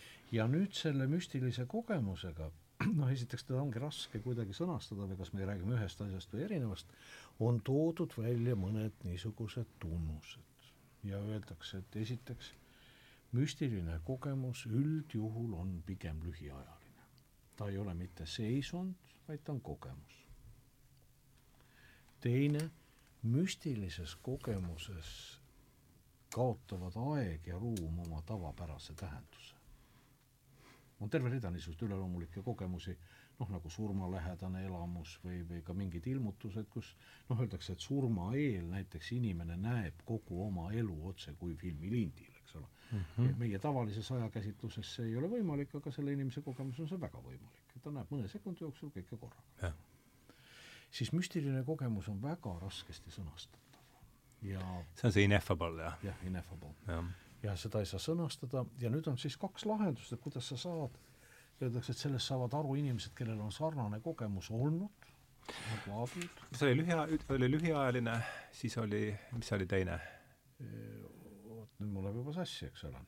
oli lühi ajaline. Need on need William Jamesi, mis ta toob välja või on need? Need on panke ja hilisemad, tähendab, William James ka räägib sellest, jah? lühiajaline on raskesti sõnastatav raskesti sõnastatav, kuidas see oli, selle ajaga oli? aja ja ruumi mõiste kaob. ahah, jah, just, just, just see oligi. aja ja ruumi mõiste teisenevad. Need äh, vabandust, no just. jah, jah. ei, ei ole tavaline aeg. mm. -hmm. ja ta on väga raskesti sõnastatav, aga selle sõnastamise juurde jäi, et kuidas sa siis saad, et ei olegi vaja palju sõnu teha, sellest saavad aru inimesed, kellel on olnud A sarnased kogemused ja teine on metafoor, mingi kujund. ma tundsin, et ma otsekui ole, või, või, mingid, mingid kujundid, kuidas me seda püüame väljendada ja mis minu jaoks on nagu küsimus ja ma ei ole päris, äh, ütleme, need nagu uurimise andmed on ka vastuolulised. tavaliselt religioonipsühholoogias siis äh, müstilist kogemust käsitletakse kui midagi positiivset mm. -hmm. uus enesemõistmine mingist jumalikust tõdemusest või ka saladusest või isegi salasusest osa saamine. Sa oled midagi näinud, mida, mida varem ei olnud. ja nüüd on olemas mõiste, mida vahel kasutatakse ja selle nimi on varjukülgne müstitsism. varjukülgne müstitsism. varjukülg, jah, shadow-sided mysticism. ja see tähendab mitte Jumalaga kohtumist, vaid eksistentsiaalset Jumala puudumise kogemist mm.. Jumalat ei ole. ma olen üksi. Psühholoogias on seda kirjeldatud ka eksistentsiaalse üksilduse või müstilise üksilduse kogemusena ja öeldakse, et see tabab just selliseid liikuva temperamendi tüübiga heitlikke, loovaid ja loomingulisi inimesi sageli, kes põlevad heleda liegiga niisuguse kõik ja mitte midagi printsiibil. ma ei oska öelda, kas Dostojevskit tohib siia paigutada näiteks või ei tohi, võib selle üle vaielda, aga et see nähtus on olemas ja, ja need, kes sellest ei tule välja, ma ei ole sellega ka eraldi tegelenud, aga eh, üks film on vändatud, palju filme on vändatud ema Theresast mm. -hmm. ja, ja tema kurdab kuskil seal oma filmist, ma mäletan, et ta läks Calcuttasse, ta nägi seda kannatust seal, aga ta ei kogenud Jumalat oma palvetes, oma otsingutes. ja, ja, ja tema küsimus oli, mu Jumal, kus sa oled? et, et ka niisugune nähtus äh, on, äh, on olemas ja kust see tuleb või miks see, miks see nii on, ma ei tea. aga, aga see nähtus on olemas. ja seda, sellest kusjuures kirjeldavad väga ehedalt ka ütleme, mitme tuhande aasta vanused äh, askeetilised ja, ja müstilised äh, kiriku äh, autorite tekstid ja seesama Philokalia ehk siis ilu, ilu armastamise äh, selline tekstikogumik neljandast viieteistkümnenda sajandini, seal on palju sellist äh, punkti sees, kus saadakse lühiajaliselt, nähakse ära nii nii-öelda see paradiis või, või saadakse see nii-öelda müstiline kogemus kätte ja siis kukutakse pärast seda mingisugusesse olukorda, kus öeldakse, ma olen kakskümmend aastat olnud täiesti nagu läinud või, või kuidagi, ja kas seesama mälestus hoiab neid veel alles, mis seal oli ja nad elavad selles, aga nad hetkel nüüd viimased kakskümmend aastat on olnud mingis sellises augus mm. ja, ja ma, mulle meenub äralangemine. see, see ei ole isegi nagu usust äralangemine, nad ei ole, et see, see hetkeline tuli ja kõik, mis sellega on võrreldav hiljem, muutub selliseks äh, et nad eh, kirjeldavad seda, et Jumal on nad maha jätnud pärast sellist suure müstilise kogemuse saamist. Mm. Jumal jätab nad maha, nad ise, see on nende sõnades. ja, ja nad ise siis hiljem saavad kas uuesti seda tajuda, noh, tihti seda just seda Jumala valguse või Jumala pimedusena, sellist, mis ta nimetatakse selliseks tipnevaks tajuks siis sellises kristlikus müstilises teoloogias, mõni ütlebki, et ta on seda paar korda ainult terve oma elu jooksul üldse saanudki kogeda ja tunda. Äh, aga see kogemus ja tundmine hoiab neid justkui noh, pikalt ka siis ütleme siis äh, noh, äh, laseb neil olla siis selles hetkes, kus nad nüüd siis on, eks, kus nad võivad tunda eemalolekut, tihti võib see olla ka varem, eemaloleku tunne ja siis tuleb müstiline kogemus, kusjuures kui me võtame ka selliseid loomingulisi autoreid, kes teab ju ka Arvo Pärdi elulugu, temal oli ka kaheksa aastat auku. Mm., täiesti et kui me ühelt poolt räägime, et kas Jumal on siis teine võib rääkida, et loomingulisus või üldse mingisugune mõte või inspiratsioon on täiesti maha jätnud. et ollakse sellises nagu augus või, või, või kriisis. ja, ja, ja mida on äh, siis tavaliselt sellistel puhkudel tehtud, seda on võetud sellise pedagoogilise õpetajana. ehk siis teisisõnu, e, e, seal on siis see läbikatsumise küsimus, kas ma heidan meelt nüüd mm -hmm. või on see mulle veel selline, selle ütleme siis agoonase või sellise selle võitluse ja, ja teekonna äh, jätkamise selline huvitav äh, motivaator, et, et edasi teha, edasi -hmm. toimetada. ja kui mul on juba müstiline kogemus olemas, siis ma saan seda veel, veel edasi teha. ja, ja me näeme, et siis tuuaksegi uusi praktikaid sisse, harjutatakse, eks, kes, kes mida ja kuidas teeb, et noh, näiteks siin jälle selline lihtsam näine, et Aro Pärt hakkas siin erinevaid Äh, erinevaid äh, loomingulisuse äh, nii-öelda muid tüüp, muude tüüpidega tegelema, ennast proovile panema, eks, nii et, et meil on selliseid muidki aspekte ja, ja, ja seal siis liigutakse selles edasi, kuni siis avastatakse, ehk siis enne, kui ju Tindinaabuli sündis, oli ka kaheksa-aastane auk ja siis ta ühel hetkel tuli.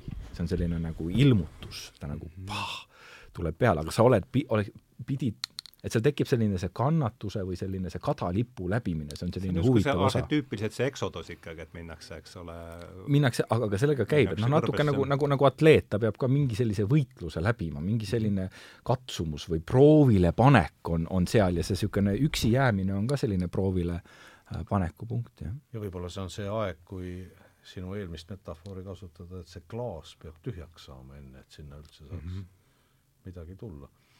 minul oli ma ei tea, kas oli usuline või mitte, aga ühe oma raamatutest Südamekool.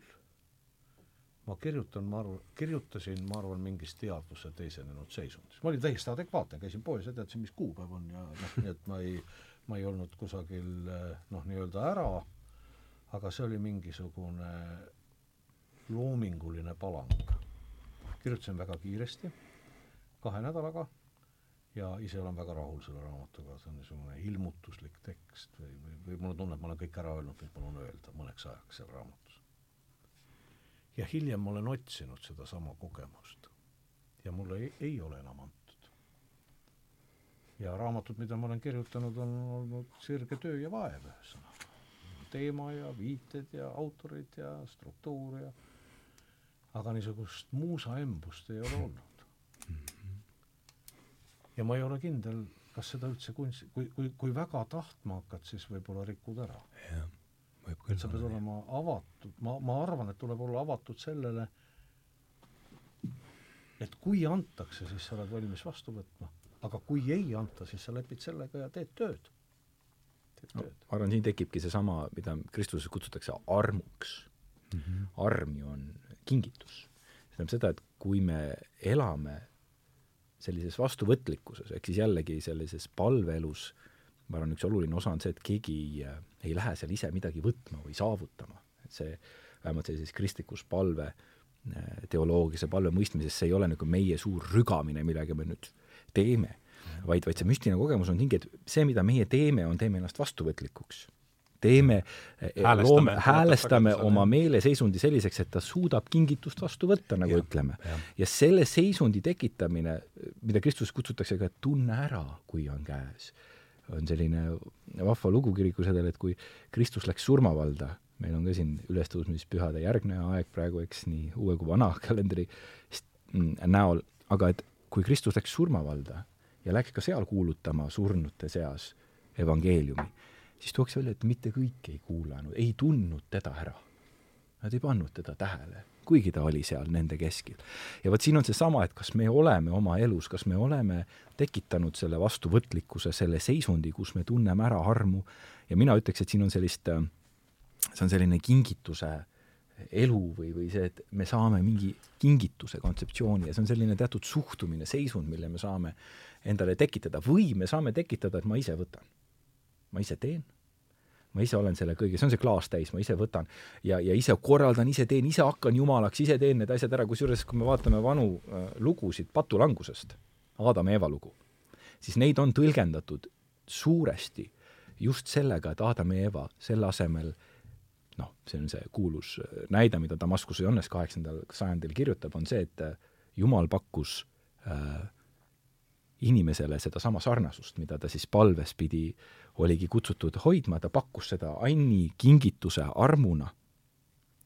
ja sinna on oma teekond, see on oma küpsemise teekond, me ei saa kohe mm -hmm. lõpuni jõuda, see on teatud teekond, kus me läheme kas Damaskuse Johannes oli see, kellest sa teed seda? just, just, ja kes on ka ikooniteoloogis ja, ja, ja aga ta kirjutab huvitava asja, et kui te vaatate, mida madu läheb pakkuma Aadamale Eevale, siis ta pakub sama asja, mida Jumal juba pakkus ja ta ütleb teile, neile, et te saate Jumala sarnaseks. Jumal juba pakkus neile sarnasust ja ta pakub täpselt sama asja. aga teisel viisil ja sealt jõuame kuuenda sajandi maksimus, seitsmenda sajandi maksimus usutunnista juurde, kes ütleb, et patt sünnib mitte milles, vaid missuguses ehk siis kuidas ehk viisis mm. -hmm. ehk siis teisisõnu, Aadam ja Eeva ajasid sassi ees, noh, see eestikeelne ütlus, eesmärk pühitseb abinõu, selle võib nüüd prügikasti visata, sellepärast et kui on vale abinõu või viis, kuidas ma eesmärgini liigun, siis see võib saada nii-öelda saatanlikuks või diaboolseks oma tegevuses ja, ja selle Aadam-Eeva, mis on selline üldinimlik lugu langusest, näitabki seda, et nad tegelikult tegid õiget asja. madu müüs neile õige asja maha, jumalik sarnasus. aga võtke ise, tehke ise mm võtke sealt ja tehke ennast jumalateks. Teile on ju lubatud seda ja ei, te sure mitte. eks, nii et see lugu räägib ühest viisist, kus, kus Aadam ja Ema kaotasid ära tegelikult selle anni saamise, armust saamise elamise, vaid neile loodi tehke iseendeid. ja vot see on selline küll väga vana lugu, aga lugu, mis räägib meile väga palju sellest suhtumisest ja ma arvan, ka sellises palveelus me tegelikult sedasama, et ei ole mingi võtmine. paljud on ju toonud välja, et palve on selline, oh, mis te palvetate, see on mingi egoistlik värk. kusjuures paljud on seda niimoodi visanud ette, noh, niisugune kõva palvetamine käib, tahate hey lord, would you buy me a Mercedes Benz stiilis, on ju. jõuluvana jah, ehk siis teisisõnu, et me nagu tahame midagi saada ja kuna ma tahan saada, siis ma palvetan, kuna see on minu selline egoistlik soov, aga noh, see on kaugel sellest, mida kristlus on tegelikult tajunud, et Pauluski kirjeldab seda hästi, et et ta ka on palvetanud oma tahtmist teha öelnud, et äh, võetakse välja see saatana vai tema seest mm. -hmm. aga siis ta sai aru, et see on minu tahe, mina palvetan oma tahet praegu siin, aga Jumalal on teine tahe. ja ta mõistis seda, sai aru sellest, nii et, et siin seesama, see võitlus käib ka selle meie tahte, meie tahte panek sinna palvesse või hoopis kuulamine, armus vastuvõtmine, need on isegi seisundid, mis ma arvan, et on selline ellusuhtumise seisundid tervikuna, äratundmine peenetundeline mõistmine, tajumine. eristamine. ja eristamine, kõik, kõik need niisugused osad, ma arvan, jah. saatana vai, jah. hingehoiuse religiooni sotsioloogias tehakse vahet kahel mõistel, usuline mõtlemine ja maagiline mõtlemine. ahah, see huvitav mm. -hmm. ja nende põhierinevus on inimese suhe üleloomulikuga. usulises mõtlemises inimese mina või inimene allub üleloomulikule, on avatud, ta kuulab, ta järgib Jumala tahet. ja maagilises mõtlemises üleloomulik allutatakse inimesele. noh, võtame nõidumine, sõnamine, võib-olla ka spiritismi erinevad vormid, inimene on see, kes juhib või manipuleerib või selle väega. jah, ja, ja, ja tal on ja, see palve saab manipulatsiooni vahendiks. ja, ja siis see sõna suunab või noh, kui sa ära sõnad, siis ta on sõnatud või neetud või noh, mis siis iganes, eks ole mm. -hmm ja, ja see, millest sa, Tauri, räägid, võib-olla see erinevus kuskil ongi niisugune õhkõrn, eks ole, et me mm -hmm. nagu ei anna aru, kust läheb piir kuulekuse ja iseolemise vahel. isegi Paulusel oli raske seda tihti, nagu me seal tekstis näeme, eristada isegi. ja, ja selle vaia pärast siis öeldakse talle, et sulle saab küllalt minu armus. just, arm jälle. jah, jah, jah. see meenutab mulle ühe saksa teoloogi lugu, et üliõpilane läheb professori juurde ja küsib, et kas teil on õpetaja head raamatut alandlikkusest ja professor võtab oma kirjutatud raamatu riiulist, võtke see, see on parim.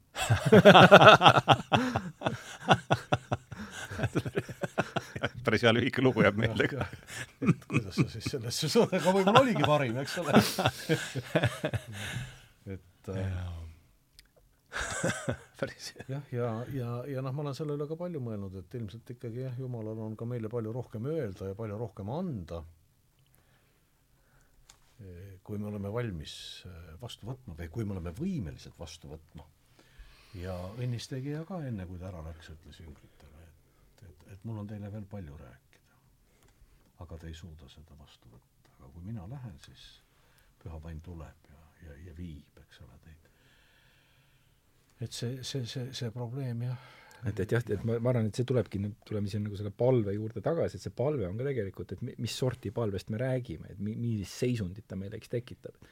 et ma arvan, siin no, saigi välja toodud hästi, et kas ta on selline maagiline palve, noh, nagu ta oli siis sellises Polüneesia või kuidas on see maana või selline šamanistlik, et ma teen mingid niisugused riitused, eks, et et saavutada siis, et loodus annaks mulle seda, see vägi, mis ma olen, olen tahtnud.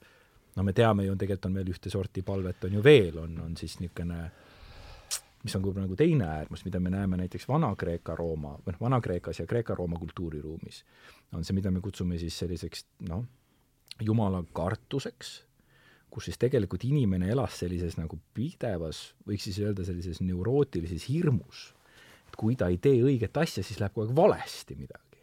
ehk siis teisisõnu, mis ei ole ka selline, või selline, selline suhtesse astumine, mis on nüüd siis nagu teistmoodi allutav, äh, kus noh, ma ei tea, ikaldus, ju siis on valesti jumalaid teenitud, ehk selline karistus kogu aeg tuleb peale, kui me ei tee õigeid riituseid mm. -hmm. ei, ja, ja Rooma impeeriumis seda tajuti teokraatlikus ühiskonnas. tajuti seda väga selgelt. kui on, see on, see oli siis nagu julgeolekustatud küsimus, mida me tänapäeval, niisugune popp sõna. religioon oli julgeolekustatud, kuna igast jama tuli peale kui ei tehta õigeid asju. ja kristlased, kes käisid seal ringi ja ei allunud ega kuuletunud nendele asjadele, nad tegelesid julgeoleku, tõsise riskiga, religioosse julgeoleku küsimusega, kus riigil hakkas halvasti minema tänu sellele, et ei teenita jumalaid korrektselt, kuna inimesed elavad nii-öelda jumalate hirmu all, ja kui ei tehta õigeid asju, siis tuleb suur karistus peale ja, ja see oli ka selline noh, aspekt, mida, mida tegelikult noh, on ka üks osa, millis, milline võib ka tegelikult selline palvetaju olla, et sa elad sellises regulaarses hirmus, kui tuleb teha, ja siis see läheb niisuguseks väga ritualistlikuks tegevuseks. -hmm ja lõpuks me ütleme, et kuule, see, kas sa usud, ei olegi oluline, kas sul on intiimne suhe sellega, ei olegi oluline, tee see asi ära ro-, ro-, äh, robotic mode on see. ja noh, ongi, kristlastele öeldi ka, mida te jurate siin. tulge, tehke see kummardus ära sellele keisrile, tehke see ohver ära, mida te jahute? Te ei peagi uskuma sellesse mm. Aga kui te teete ära, siis jumalad on rahul ja meil läheb hästi see, mis sa rääkisid, see Rooma tsiviilreligioon, eks? jah, selline tsiviilreligioon, mis on ka, ma arvan, väga aktuaalne tänasel oh, no, no kidding no kidding. et selline tsiviilreligiooni, tehke õige asi ja sellega on rahul, aga puudub selline, selline intiimne, isiklik ja, ja tegelikult see, see suhe mm., avatus, mis seal sees on, ka enese taandamine, see vastuvõtlikkus, et see on, see on midagi nagu väga, väga teistsugust. selle intiimse suhtega seoses et religioonipsühholoogias, seal on erinevaid uurimusi, aga üks selline klassik, Ralf Hood. kuidas palun? Ralf Hood. kirjutatakse Hood. on tema klassik e,. siis juba seitsmekümnendatel ja pärast seda on ka üldistatud veel, e, korjas kokku nüüd seda, kuidas inimesed kogevad vot seda Jumala vastutust, vastust. ja, ja ta toob mõned tüübid välja, ma arvan, see loetelu ei ole kindlasti lõplik ja tänapäeval on juba selliseid detailsemaid ja paremaid, aga ta ütleb, et väga oluline usulise kogemuse liik, kuidas Jumal, inimesed Jumalat kogevad, on üldine nimetus, ta kasutab kinnitav kogemus, confirming experience. ja see tähendab mingit sisemise kindluse saavutamist. selle üheks tahuks võib olla elu olemise või olemuse mõistmine. võib-olla see tähendab Jumalast arusaamist või adumust midagi selle kohta, kes Jumal on või ta võiks, võiks, kes ta võiks olla. ja öeldakse, et ka see tunne, et Jumal on mind märganud või ta ütles või ta oli siin, on äh, suurel viisil enesekindlust või, või sellist sisemist tasakaalu toetav. et see on see confirming experience, kohtumine oma Jumalaga. ja, ja võib-olla ta siis ütlebki sulle et sulle, et vai-, vaiast üldse ei räägita, mille pärast Paulus palus, vaid ta ütleb, et mul on küll sinu armust. nüüd teine, kus inimesed kogevad Jumalat, on ime. midagi juhtub. ja sa ei saa selle, seda mujale panna kui Jumala aadressile. mul on neid mitmeid lugusid, aga ma ühe räägin, aasta oli siis, kui oli see putš Moskvas, tuhat tuhat üheksasada üheksakümmend üks, üks oli see jah? jah, augustis. ja me pidime minema perega Ameerikasse ja läksime abikaasaga Leningradi, me korra käisin ära, leppisin kokku eh, Ameerika saatkonda viisat saama, meil olid punased Nõukogude passid. Ja hommikul taksos, öösel bussiga läksime Tartust, taksojuht ütleb, et Gorbatšov võeti maha. Läksime Ameerika saatkonda, seal on paanika, kõik on närvilised, miilitsat oli palju väljas, registreerusime ja me olime kolmesajandad mingid ja noh, ei olnud lootustki, et me sisse saame sinna.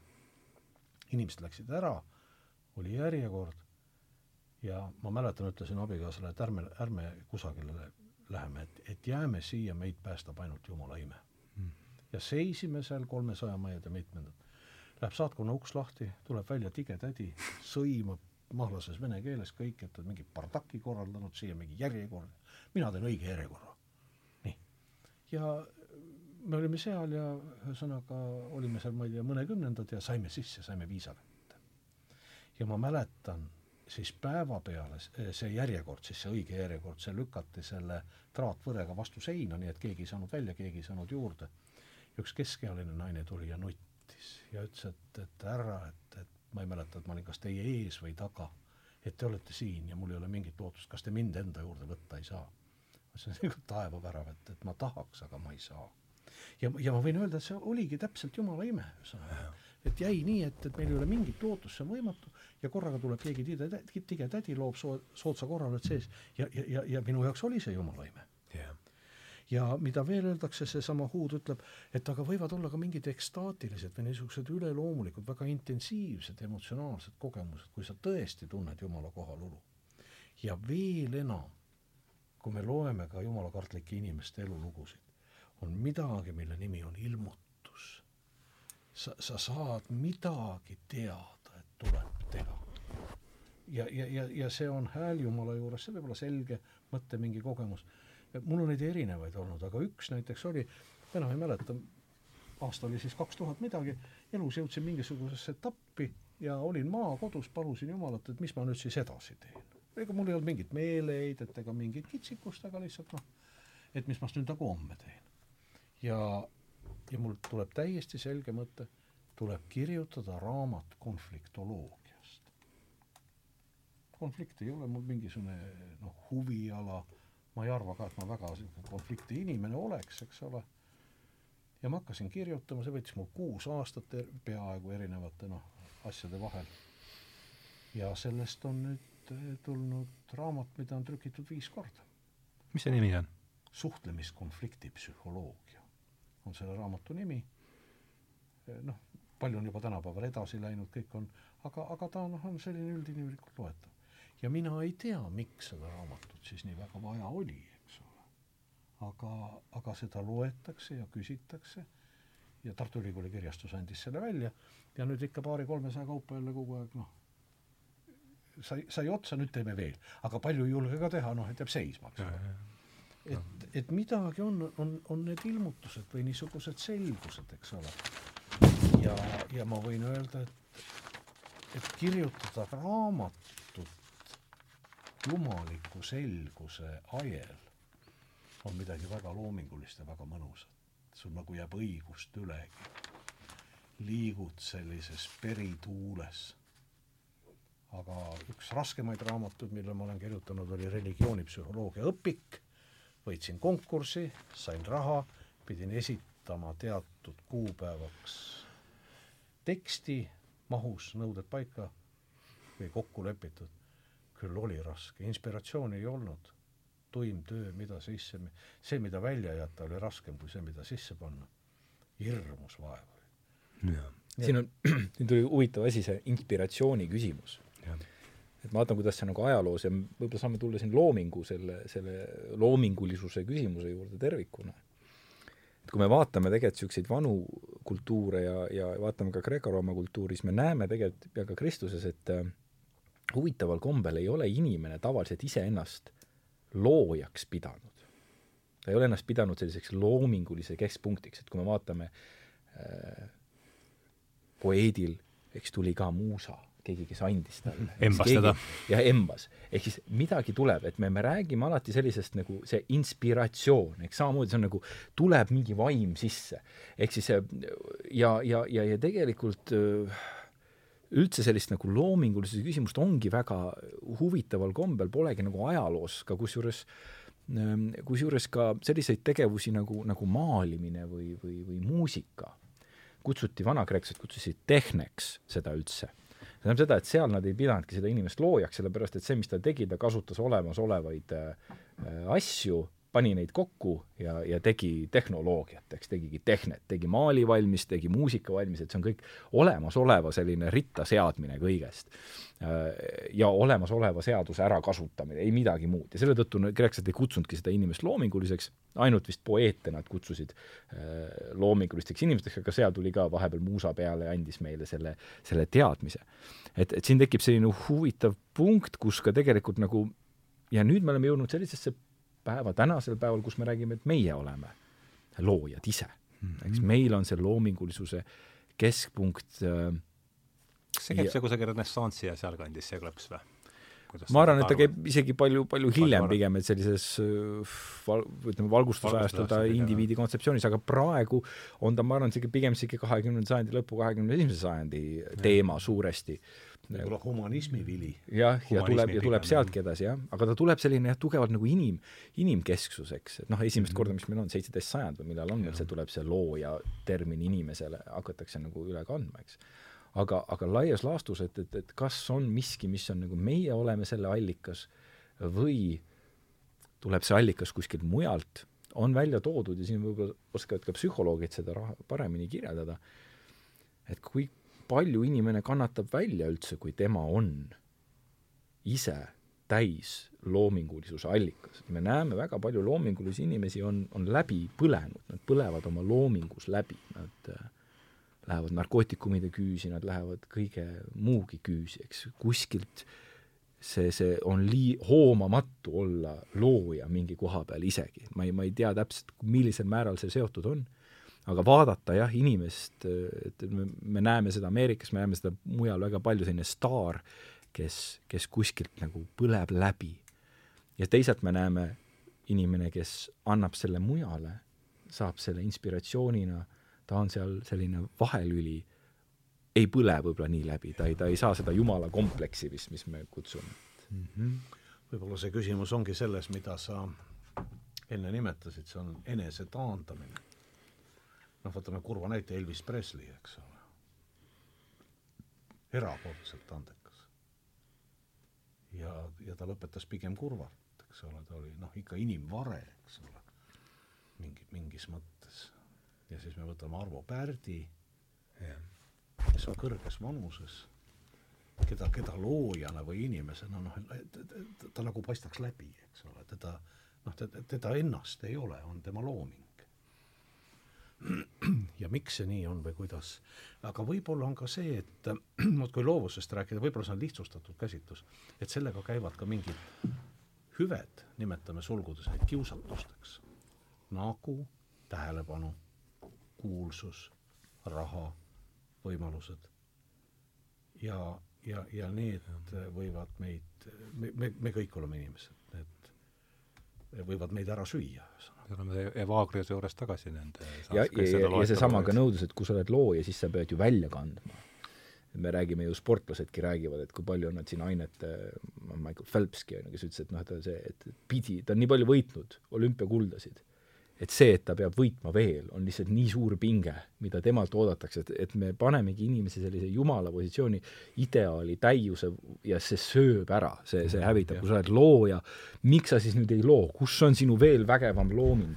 Ja, ja, lihtsalt see õõnestab seest ära, see hävitab, see on nagu söövitav materjal. pluss selle televisioonikultuuri vajadus nende olmepühakute järele, eks ole, kas sa oled näinud seda, mis mul on äh, Mati Nügasesse soom-, soomlased, mis selle filmi tegid, on minu meelest suurepärane, kuidas see käib, see tead, see suusahüppaja tead, upitamine pjedestaalile ja siis, kui läheb, minnakse teda sealt siis samasuguse kirglikkusega alla kiskuma, kui kui vaene suusahüppaja tuleb välja, et ei olegi nüüd äh, Damaskuse Johannes. ja see on äh, minu jaoks olnud nagu huvitav mõte, millega ma ei ole nagu lõpuni enda jaoks toime tulnud. ja ma olen sõnastanud selle nõnda et looja võib jääda oma loomingu vangiks. vot olümpiavõitja ta ei võida järgmist kulda. küsime, kas Sofi Oksanen pärast puhastust kirjutab veel midagi niisugust. mul oli kunagi hästi emotsionaalne hetk oli, mul oli ülesanne anda kätte diplomid ja suruda kätt Tartu Ülikooli cum laude lõpetanud magistrantidel. vastuvõtt oli siis nende auks botaanikaaias Tartus. ja see mõte, mida ma jagasin nendega, et noh, te tunnete ennast hästi, te olete teinud suure saavutuse, me oleme õnnelikud, me surume kätt, me tähistame, te olete meie au ja uhkus. aga täna te jääte oma lati vangiks. Te teate, mis on cum laude ja ükskõik, mis elus tuleb, te teate täpselt oma südame põhjas, kas on üle lati või alla lati. ja kõik, mis ei ole cum laude, see on alla lati. Ja, ja, ja, ja ühelt poolt on see ilus ja teiselt poolt võib olla see traagiline. sa, sa, sa, sind hakatakse mõõtma selle järel. ja mida ma olen vaadanud noh, ka oma elus näiteks, väga huvitav on inimeste liikumine sinu ümber positsioonist sõltuvalt, eks ole, see, see on see mingi saavutus aga see võib olla ka kunstniku saavutus, see võib olla ka ütleme, positsioon karjääriredelil. et kui sa siis ei ole cum laude või ei kirjuta uut puhastust, et kes, kes on need, kes jäävad su kõrval alles? Neid on vähem, aga vot need on need tõelised sõbrad siis, ma arvan, kes jäävad sinu pärast, mitte selle pärast, mida sa tegid. või, või, või mis tooli peal sa istud mm.. no kena, kell näitab seda kinnitab seda, et heas seltskonnas möödub aeg kiiresti, et meil on nagu siin jällegi stopperiga me seda kahte tundi siin ei mõõda, aga umbes paarkümmend minutit on meil veel jäänud, et et peaks hakkama mõtlema, kuidas see jutuajaga nüüd kokku tõmmata.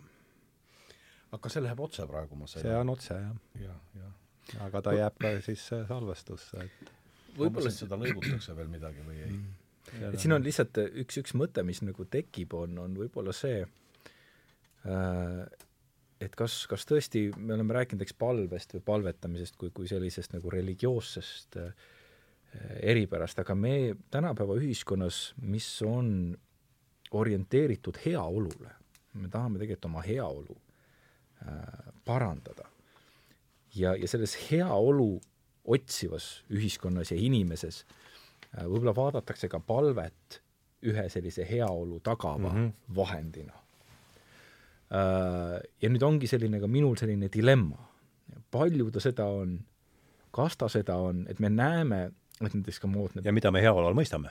Just, aga et, et selline see moodne psühholoogia näiteks on kasutanud ju seda just budistlikku sellist mindfulnessi kontseptsiooni on üritatud ju väga tugevalt nagu depressiooniravisse, eks, sisse tuua siin Oxfordis ja mujalgi, eks, üritatakse neid rakendada, vaadatakse siin meditatsioonipraktikaid ja võib-olla sellisele sekulaarsele maailmale küsimus on, mis me selle palvega teeme.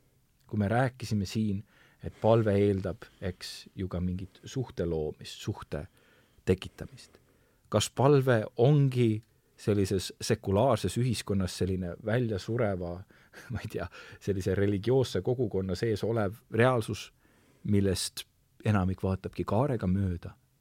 või kas saab palvel olla ka midagi, mingit kutsuvat rolli, midagi, mis, mis saaks äkki seda, seda olukorda muuta, sest noh, ma näen just, et, et et on nagu kergem rääkida sellisest sekulaarmediteerimisest, eks mm. -hmm. aga see palve on nagu, aga miks ma seda üldse tegema peaksin või noh, et mul on ju heaolu. kuidas pakub palve mulle seda heaolu? ja vot siin on niisugune teatud dilemma, dilemma küsimus. kas ta üldse pakubki seda heaolu tõesti, mis me otsime? ma ei tea, mis te sellest arvate, et ilma sellise transcendentaal-, transcendentse mõõtme või transcendentaalse mõõtme, ilma transcendentaalse mõõtmeta kuidagi on palvest minu meelest ju üldse päris keeruline ju rääkida.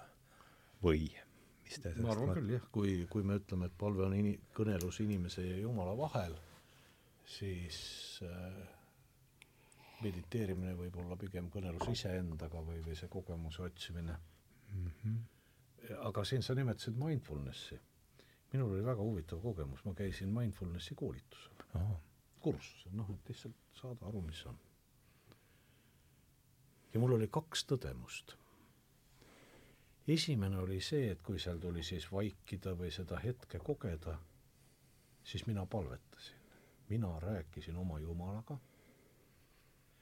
ja teine oli see, et see, mida siis pakuti, niisugune noh, enesetundmine, selle hetke mõistmine, milles sa oled vahetud aistingud.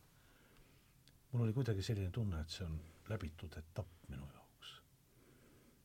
et oma palves, oma Jumala suhtes oma enese läbikatsumises, meeleparanduses, Jumala otsimises. et, et ma olen juba, ma, ma, ma olen kuskil nagu kaugel ees või kaugel ära või see, see, see noh, meelisklemine seal iseenda kehas nagu ei pakkunud mitte midagi. et, et tühine, eks ole. ja, ja siis oligi kuidagi nii, et alguses ma ei saanud neid harjutusi teha, ma palvetasin ja pärast ma kippusin magama ja et noh, igav oli ma, ma saan aru sellest kogemusest, ma mõistan inimesi, aga no see, ütleme nii, see kogu lugupidamises, see ei andnud mulle mitte. Midagi nojah, vot see ongi hea, et sa seda juttu sinna viisid, et ma tahtsingi, oligi plaan sinna jõuda enam-vähem, et äh, siin oli meil juttu seitsmeteistkümnendast lehest, kus oli intervjuu Matthew Foxiga, kaheksateistkümnes leht oligi pühendatud palvele meil ja siin on siis äh, psühholoogia nurgast kirjutab äh, Toomas Paul, mida me teeme, kui me palvetame? Ja see niisugune ühelauseline äh, avakilge, mis ma siis nopin igast loost välja, on see, et palvetama õppida saab vaid palvetades.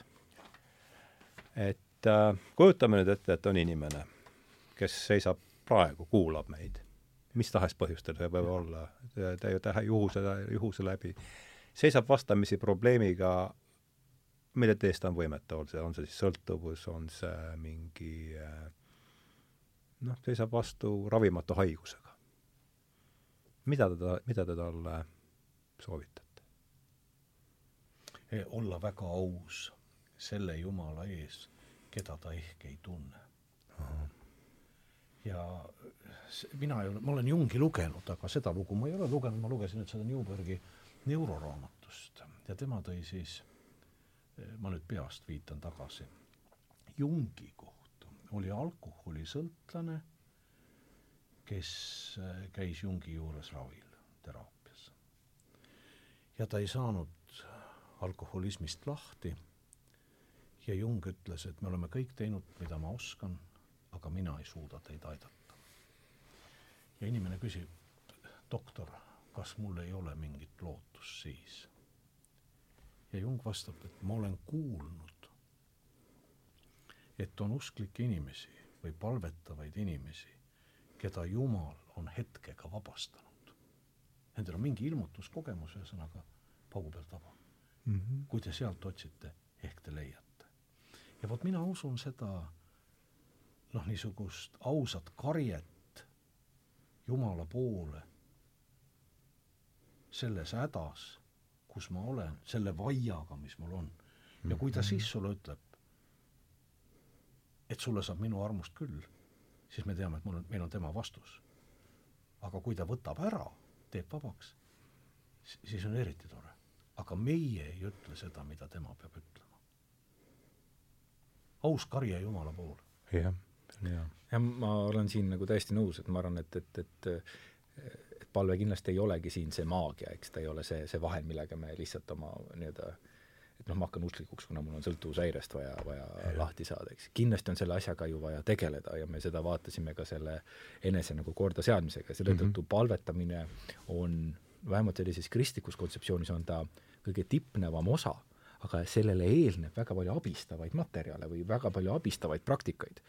me ei ole täna väga, noh, me oleme maininud meditatsiooni, aga me tegelikult ei ole maininud seda, et kristluses nii et palve kui püramiidi tipp siis sa jah mm -hmm., aga me ei ole maininud näiteks kristlikku meditatsiooni. et kristluses on olemas ka meditatsioon, mis erineb palvetamisest ja seda ka katoliku kirikus ja mujalgi, ehk siis teisisõnu kristlik meditatsioon, mis tähendabki siis mõtisklus, on tihti siis tõesti pühakirjaline äh, või mingisuguse palve või, või kirjakoha või tekstikoha peale mõtlemine, me teame, et katoliku äh, mungad keskajal tegid, tegelesid rumineerimise ehk mäletsemisega, mis oli selline meditatsioon. Nad täitsid ennast siis teatud sellise jumaliku ilmutuse äh, printsiipide, mõtetega, see ei olnud nende nagu otsene osadusse astumine Jumalaga või palvetamine, aga see oli nagu enese meele täitmine siis sellise jumaliku ilmutusega, selle endast nagu läbilaskmine ehk siis keskendumine oma mõttes sellele tekstikohale, sellele mõttele, sealt võis tulla mõttearendus edasi, võis tulla ka täielik vaikus, võis tulla väga palju äh, elemente. nii et Kristuses ka meditatsioon ja ma tooksin ka siin näiteks psühhoteraapia, kõik muudki elemendid on tegelikult abistavad viisid, sest et need asjad ja seda on minu arust nagu Kristus alati tajunud, et, et meil on saada abi vaja. lihtsalt meie tänapäevases maailmas on nendest abivahenditest saanud eesmärk omaette. kuna me tahame sellist maist heaolu saada, eks, ja siis me otsime neid vahendeid, ehk siis need, mis kunagi on olnud ka budismis ja ka Kristuses, eks, need aspektid, mis on olnud vahendid, et jõuda Jumalani. me oleme nüüd nagu ekstraheerinud need, oleme niisugused kavalad tegijad, kes ekstraheerivad need mõtted sealt ära ja paneme siis äh, oma kasuks nii-öelda, heaolu kasuks teenima, sest me oleme ateistlikud sekul-, aga me otsime siit mingit kasu. see on see ekspluateeriv inimene äh,, Alain de Botton on üks äh, Šveitsi ateistist äh, filosoof, kes on rääkinud, et ateism kaks punkt null on nüüd ja. uus ateism, mis ekspluateerib kõike, mis kristlusel ja religioonil on alla anda, ainult ilma Jumalata mm. -hmm. vot selline kontseptsioon, ainult ilma Jumalata. ehk siis kuna me ei usu sellesse jamasse, on ju, siis me ekspluateerime kõike, mis tal on nagu siit anda, et meie siin selline maine sekulaarne elu oleks, oleks parem ja, ja ma arvan, et, et see ongi nagu see osa, kus Kristus nii-öelda mõistab või, või palve nagu viib meid natuke mujale. mina arvan, et üks palve, üks võib-olla niisuguseid olulisemaid asju, mida tegelikult selline meditatsioon või lihtsalt selline rahu toomine, iseenesega tegelemine otseselt ei tee, on, on see suhte loomine. sest palves me loome suhet ja tõesti, me loome suhet noh, ligimese teistegagi, aga me loome suhet ka ülima absoluudiga, me harjutame armastuse suhet tihti ma arvan, et meil tänapäeval ongi puudu, me ei oska nagu suhelda. me oskame iseendaga üksi olla ja kuidagi tõesti oleme leidnud selle meditatsioonivahendi, oma rahu leidnud, eks. aga suhelda, me tihti näemegi, et mõni ütleb, et ma parem ei suhtle kellegagi, ma ei loo suhteidki ma istun üksi, mul on see palju mõnusam, mugavam, turvalisem olla, mis ma ikka siin seda teen. kong läheb käest kitsamaks. just, aga, aga et harjutada neid suhteid ja palvetamine on tegelikult ühes sellise suhtesse astumise väga tugev askees ja harjutamine ja lausa absoluutse suhte loomine. nii et, et ja, ja ma arvan, et see palvesuhe on, on igati korrelatiivne ka meie suhtega oma abikaasa, oma naise, oma lapse, tütre, ligimese, kõigega. see hakkab sealt välja tulema ja mingil määral me juba seda suhet harjutamegi seal, nii et mina näeks, et kui me siin räägime sellisest noh, nii-öelda ekspluateerivast kasutegurist, siis kutse siiski usaldada ja selle tundmatu poole pöörduda, palvetada või vastu võtta. sest kristlased tegelikult palves suhestuvadki tundmatuga. see on see kujuta, näota, aga see on, see on Jumal, kes on ilmutanud, ta on mingil määral tundmatu ja suhe tundmatuga võib olla, tänapäeval räägitakse challenge itest võtame ette selle challenge'i siis äh, äh, suhtesse tundmatuga minna ja, ja seda mm. praktiseerima hakata, eks. ehk siis ja vaadatagi, kus, kus sealt tuleb ja ilma midagi ootamata, et me tihti teeme asju ju eesmärgiga, tahame saada head tunnet, rahu, kõike. aga äkki prooviks lihtsalt suhet luua mm. -hmm. ja on ju ka psühholoogid seda välja toonud, et mis see asi on? mis on see nauding, on olemas naudingud, eks, toit, seks, mingi alkohol, eks, see annavad naudingu. naudingu probleem, ta annab lühiajalise, ta tema jaoks ei pea väga pingutama ja tema nauding, aga seal on üks probleem, pikalt tegelen, jään sõltuvusse. kui ma hakkan väga palju sellesse ennast kiinduma. teine tase on rahulolu. seda ma saavutan mingi asja saavutamisel, karjääris õpingutes räägiti cum laudest siin, saavutan hea tulemus. raamatu kirjutamine. raamatu kirjutamine. ma pean juba rohkem vaeva tegema, kui lihtsalt see seks või, või, või toit või, või alkohol kuskilt saada, see on rohkem pingutust nõudev. mis see, mis see esimeseks ütlesid, teine on rahulolu? nauding, teine on rahulolu mm. -hmm aga rahuloluga me näeme ka, meie ümber on töönarkomaane, meie ümber on saavutuskeskseid inimesi, kes lõpuks on ikka õnnetud oma, oma selles suurtes saavutamistes mm. -hmm. ja siis on see selline tippnev tase, on, on see, mida me kutsume siis äh, sellised terved armastuslikud suhted inimeste vahel on ju tuvastatud, et see on see, kui me räägime sellisest õnnest, et, et see on suhe. õnn tegelikult seisneb meie suhtes ja suhtes olemises. ja ma arvan, et see palve tegelikult ju, ju sellele vägagi panustab kaasa, et ma räägingi siin võib-olla niisuguse sekulaarse maailmaga praegu, kutsun mm. üles seda, seda mõtestama, et me, me räägime suhtest. ja, ja, ja kas me äkki harjutaksime seda suhte loomist? Palve kui suh-, suhte loomise askees. see on, see on ülim ja tegelikult isegi absoluudiga, me räägime ju armastusest, me räägime suhetest, me räägimegi, kuidas ma suhtlen. üks asi on olla iseendaga ja mõelda, keskenduda mingile punktile. aga teine asi on astuda suhtesse. ja selle tõttu Anthony Bloom on öelnud, et äh, ah, kes on kirjutanud palvest, jah ja,, ja. on öelnud, et palvetamine on üks väga ohtlik tegevus, sest me lähme, me läheme suhtesse siin. ja iga suhe on oma vastutusega. siin on, tulevad täiesti teised protsessid käigu, käiku meil. Ja nagu ütleb Anthony Bloom, iga palvetamisega hakkab ka midagi surema meis mm. -hmm. midagi, kuskilt tuleb loobuda mingist iseenese asjast. tuleb ka järeleandmisi teha, kõik inimesed, kes on kunagi suhtes olnud, ju teavad seda, kuidas suhted käivad, eks. ja mis on need, need aspektid sealjuures ja ma arvan, et palve on üks osa sellest askeesist. ole hea, Tõnu, lisa ka veel midagi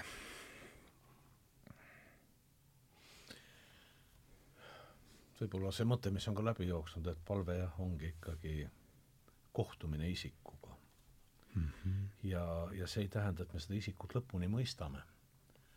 Taurit kuulates mul tuli meelde see Vana-testamendi lugu Moosesest, kellega Jumal rääkis väga selgelt.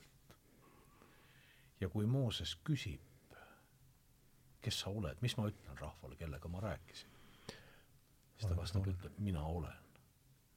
mis tähendab seda, et jah, meie suhtes Jumalaga võib olla meil kogemus, sõnum, me kuulame, aga vastus, kes sa oled, ei mahu meie aju sisse ära. ja see on, ma olen. ja see teebki lõpuks alandlikuks, avatuks, aga ka suhtlemisvõimeliseks mm. -hmm ja siin ma arvan, et ongi see, see, see palve on tegelikult mingil määral noh, natuke isegi selline nagu, see on nagu mm, -hmm. ma olen tundnud, et palve on oluline tõe otsijale. eks, ja, ja tõe vastu, et see ei ole selline, et noh, ma rahuldun iseendaga ja see ei ole selline heaolu, pelgalt sellise teatud heaoluga või naudingu või heaolu leidmine, otsimine, vaid, vaid see on, see on midagi, kus me olemegi nõus selle tõega kokku puutuma. absoluutse ülima tõega ja mõnikord on vaja väga rasked teekonnad läbida selleks.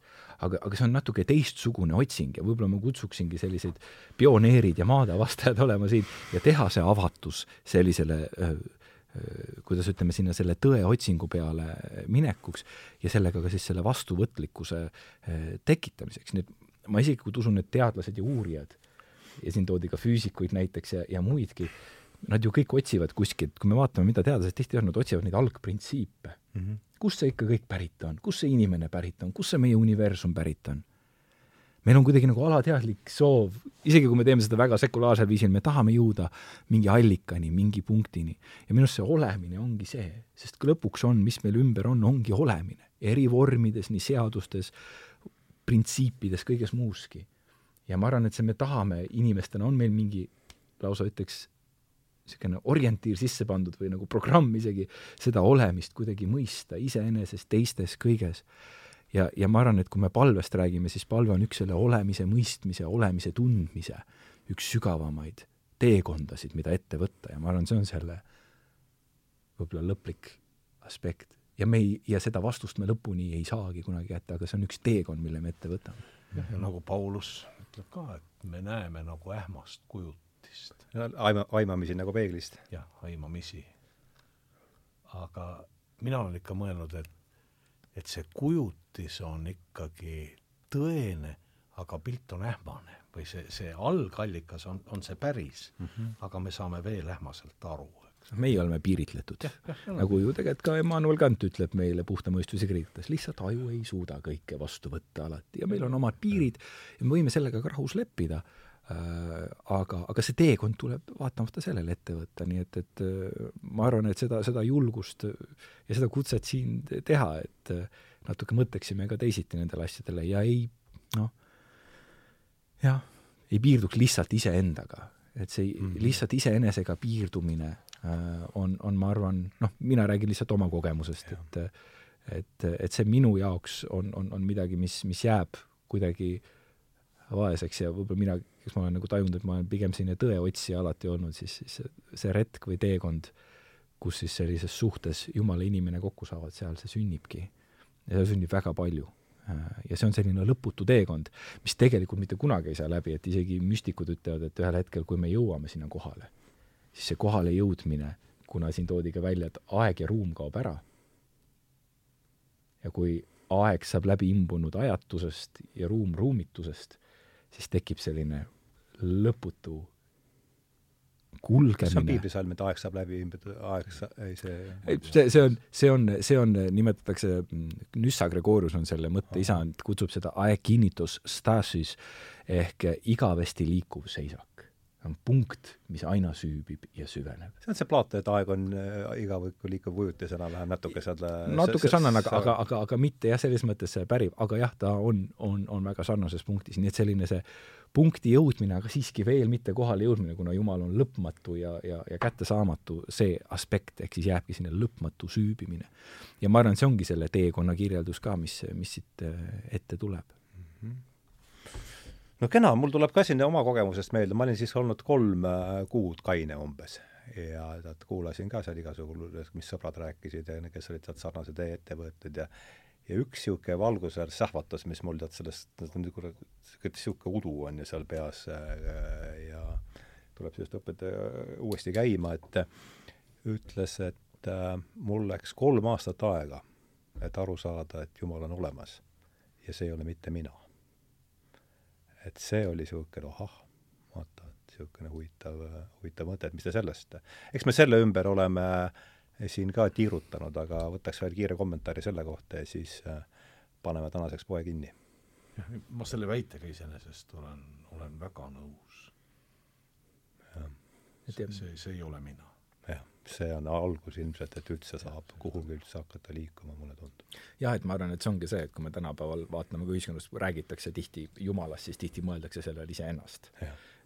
väga, väga tihti, et ta on selline või universumit või mis iganes, et see selline äh, ta on võib-olla niisuguses uusvaimsuses ja, ja postmodernismis ka selline omaette kontseptsioon, aga tõesti humanismi niisugune aga, aga siis, aga siis me räägimegi, minu jaoks on see nagu see küsimus, et kas siis tõesti suhe ongi, suhe, maksimaalne suhe minu jaoks on suhe minu endaga. See on see maksimum, mida ma suudan suhtes luua? kas ma teisega ei suudagi suhtes ja kas teisega suhe? et, et see on see küsimus ja veel absoluutse teisega, nii et ma arvan, et see on teatud rikkus, et äh, me võime iseendaga suhestuda, aga, aga ma arvan, see, see teisega suhestumine on, on, on, ma arvan, selline täiesti teine teekond, mida, mida ette võtta. nojah, aga paradoks on ka selles, et selleks, et teistega suhelda, tuleb jälle mingi terve suhe iseendaga jälle, eks ole. et see iseenese terve, kõik on jällegi läheb niisuguseks kuramus. et ta nõuab teatud tasakaalu ja, nõuab teatud sellist äh, sofrossüüne, ilus kreeka keele sõna. on meeletarkus või meeleselgus või meelepuhtus.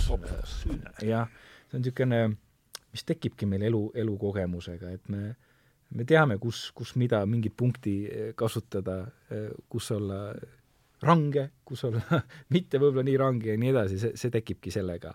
siin on lihtsalt lõpetuseks ongi see Aadama ja Eeva lugu. lõpetamegi võib-olla siis sellega ära. lõpetame. Et Aadama ja Eeva probleem ei olnud mitte selles, eh, et nad kasutasid oma tundeid või valetundeid, aga nad kasutasid seda valel ajal vales kohas mm. -hmm kui madu tegi neile ettepaneku, et kuulge, rikkuge, hakake vastu, rikkuge seda käsku, valige vale tee, siis Adam ja Eva äh, olid väga julged seda tegema.